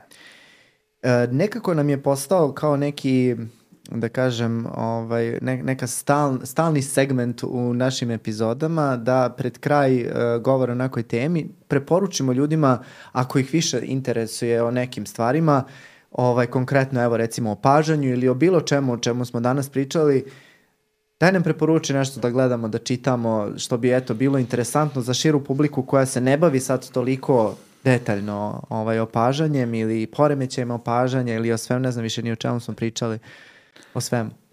Da, aj nekoliko Možeš i neki svoj, kako ti kažem, Da, omiljeni film, seriju, film, da. kako hoćeš. A, pa recimo, evo šta mi prvo pada na pamet, dakle, bila neka divna serija, mislim još iz 80-ih i to, pa mislim da je čak i rađeno neka revival ili nešto, BBC-eva zove se Super Čulo, koja opisuje, dakle, životinski vid i onda ži- životinje koje, recimo, vide drugačije nego mi, čuju bolje nego mi i slično.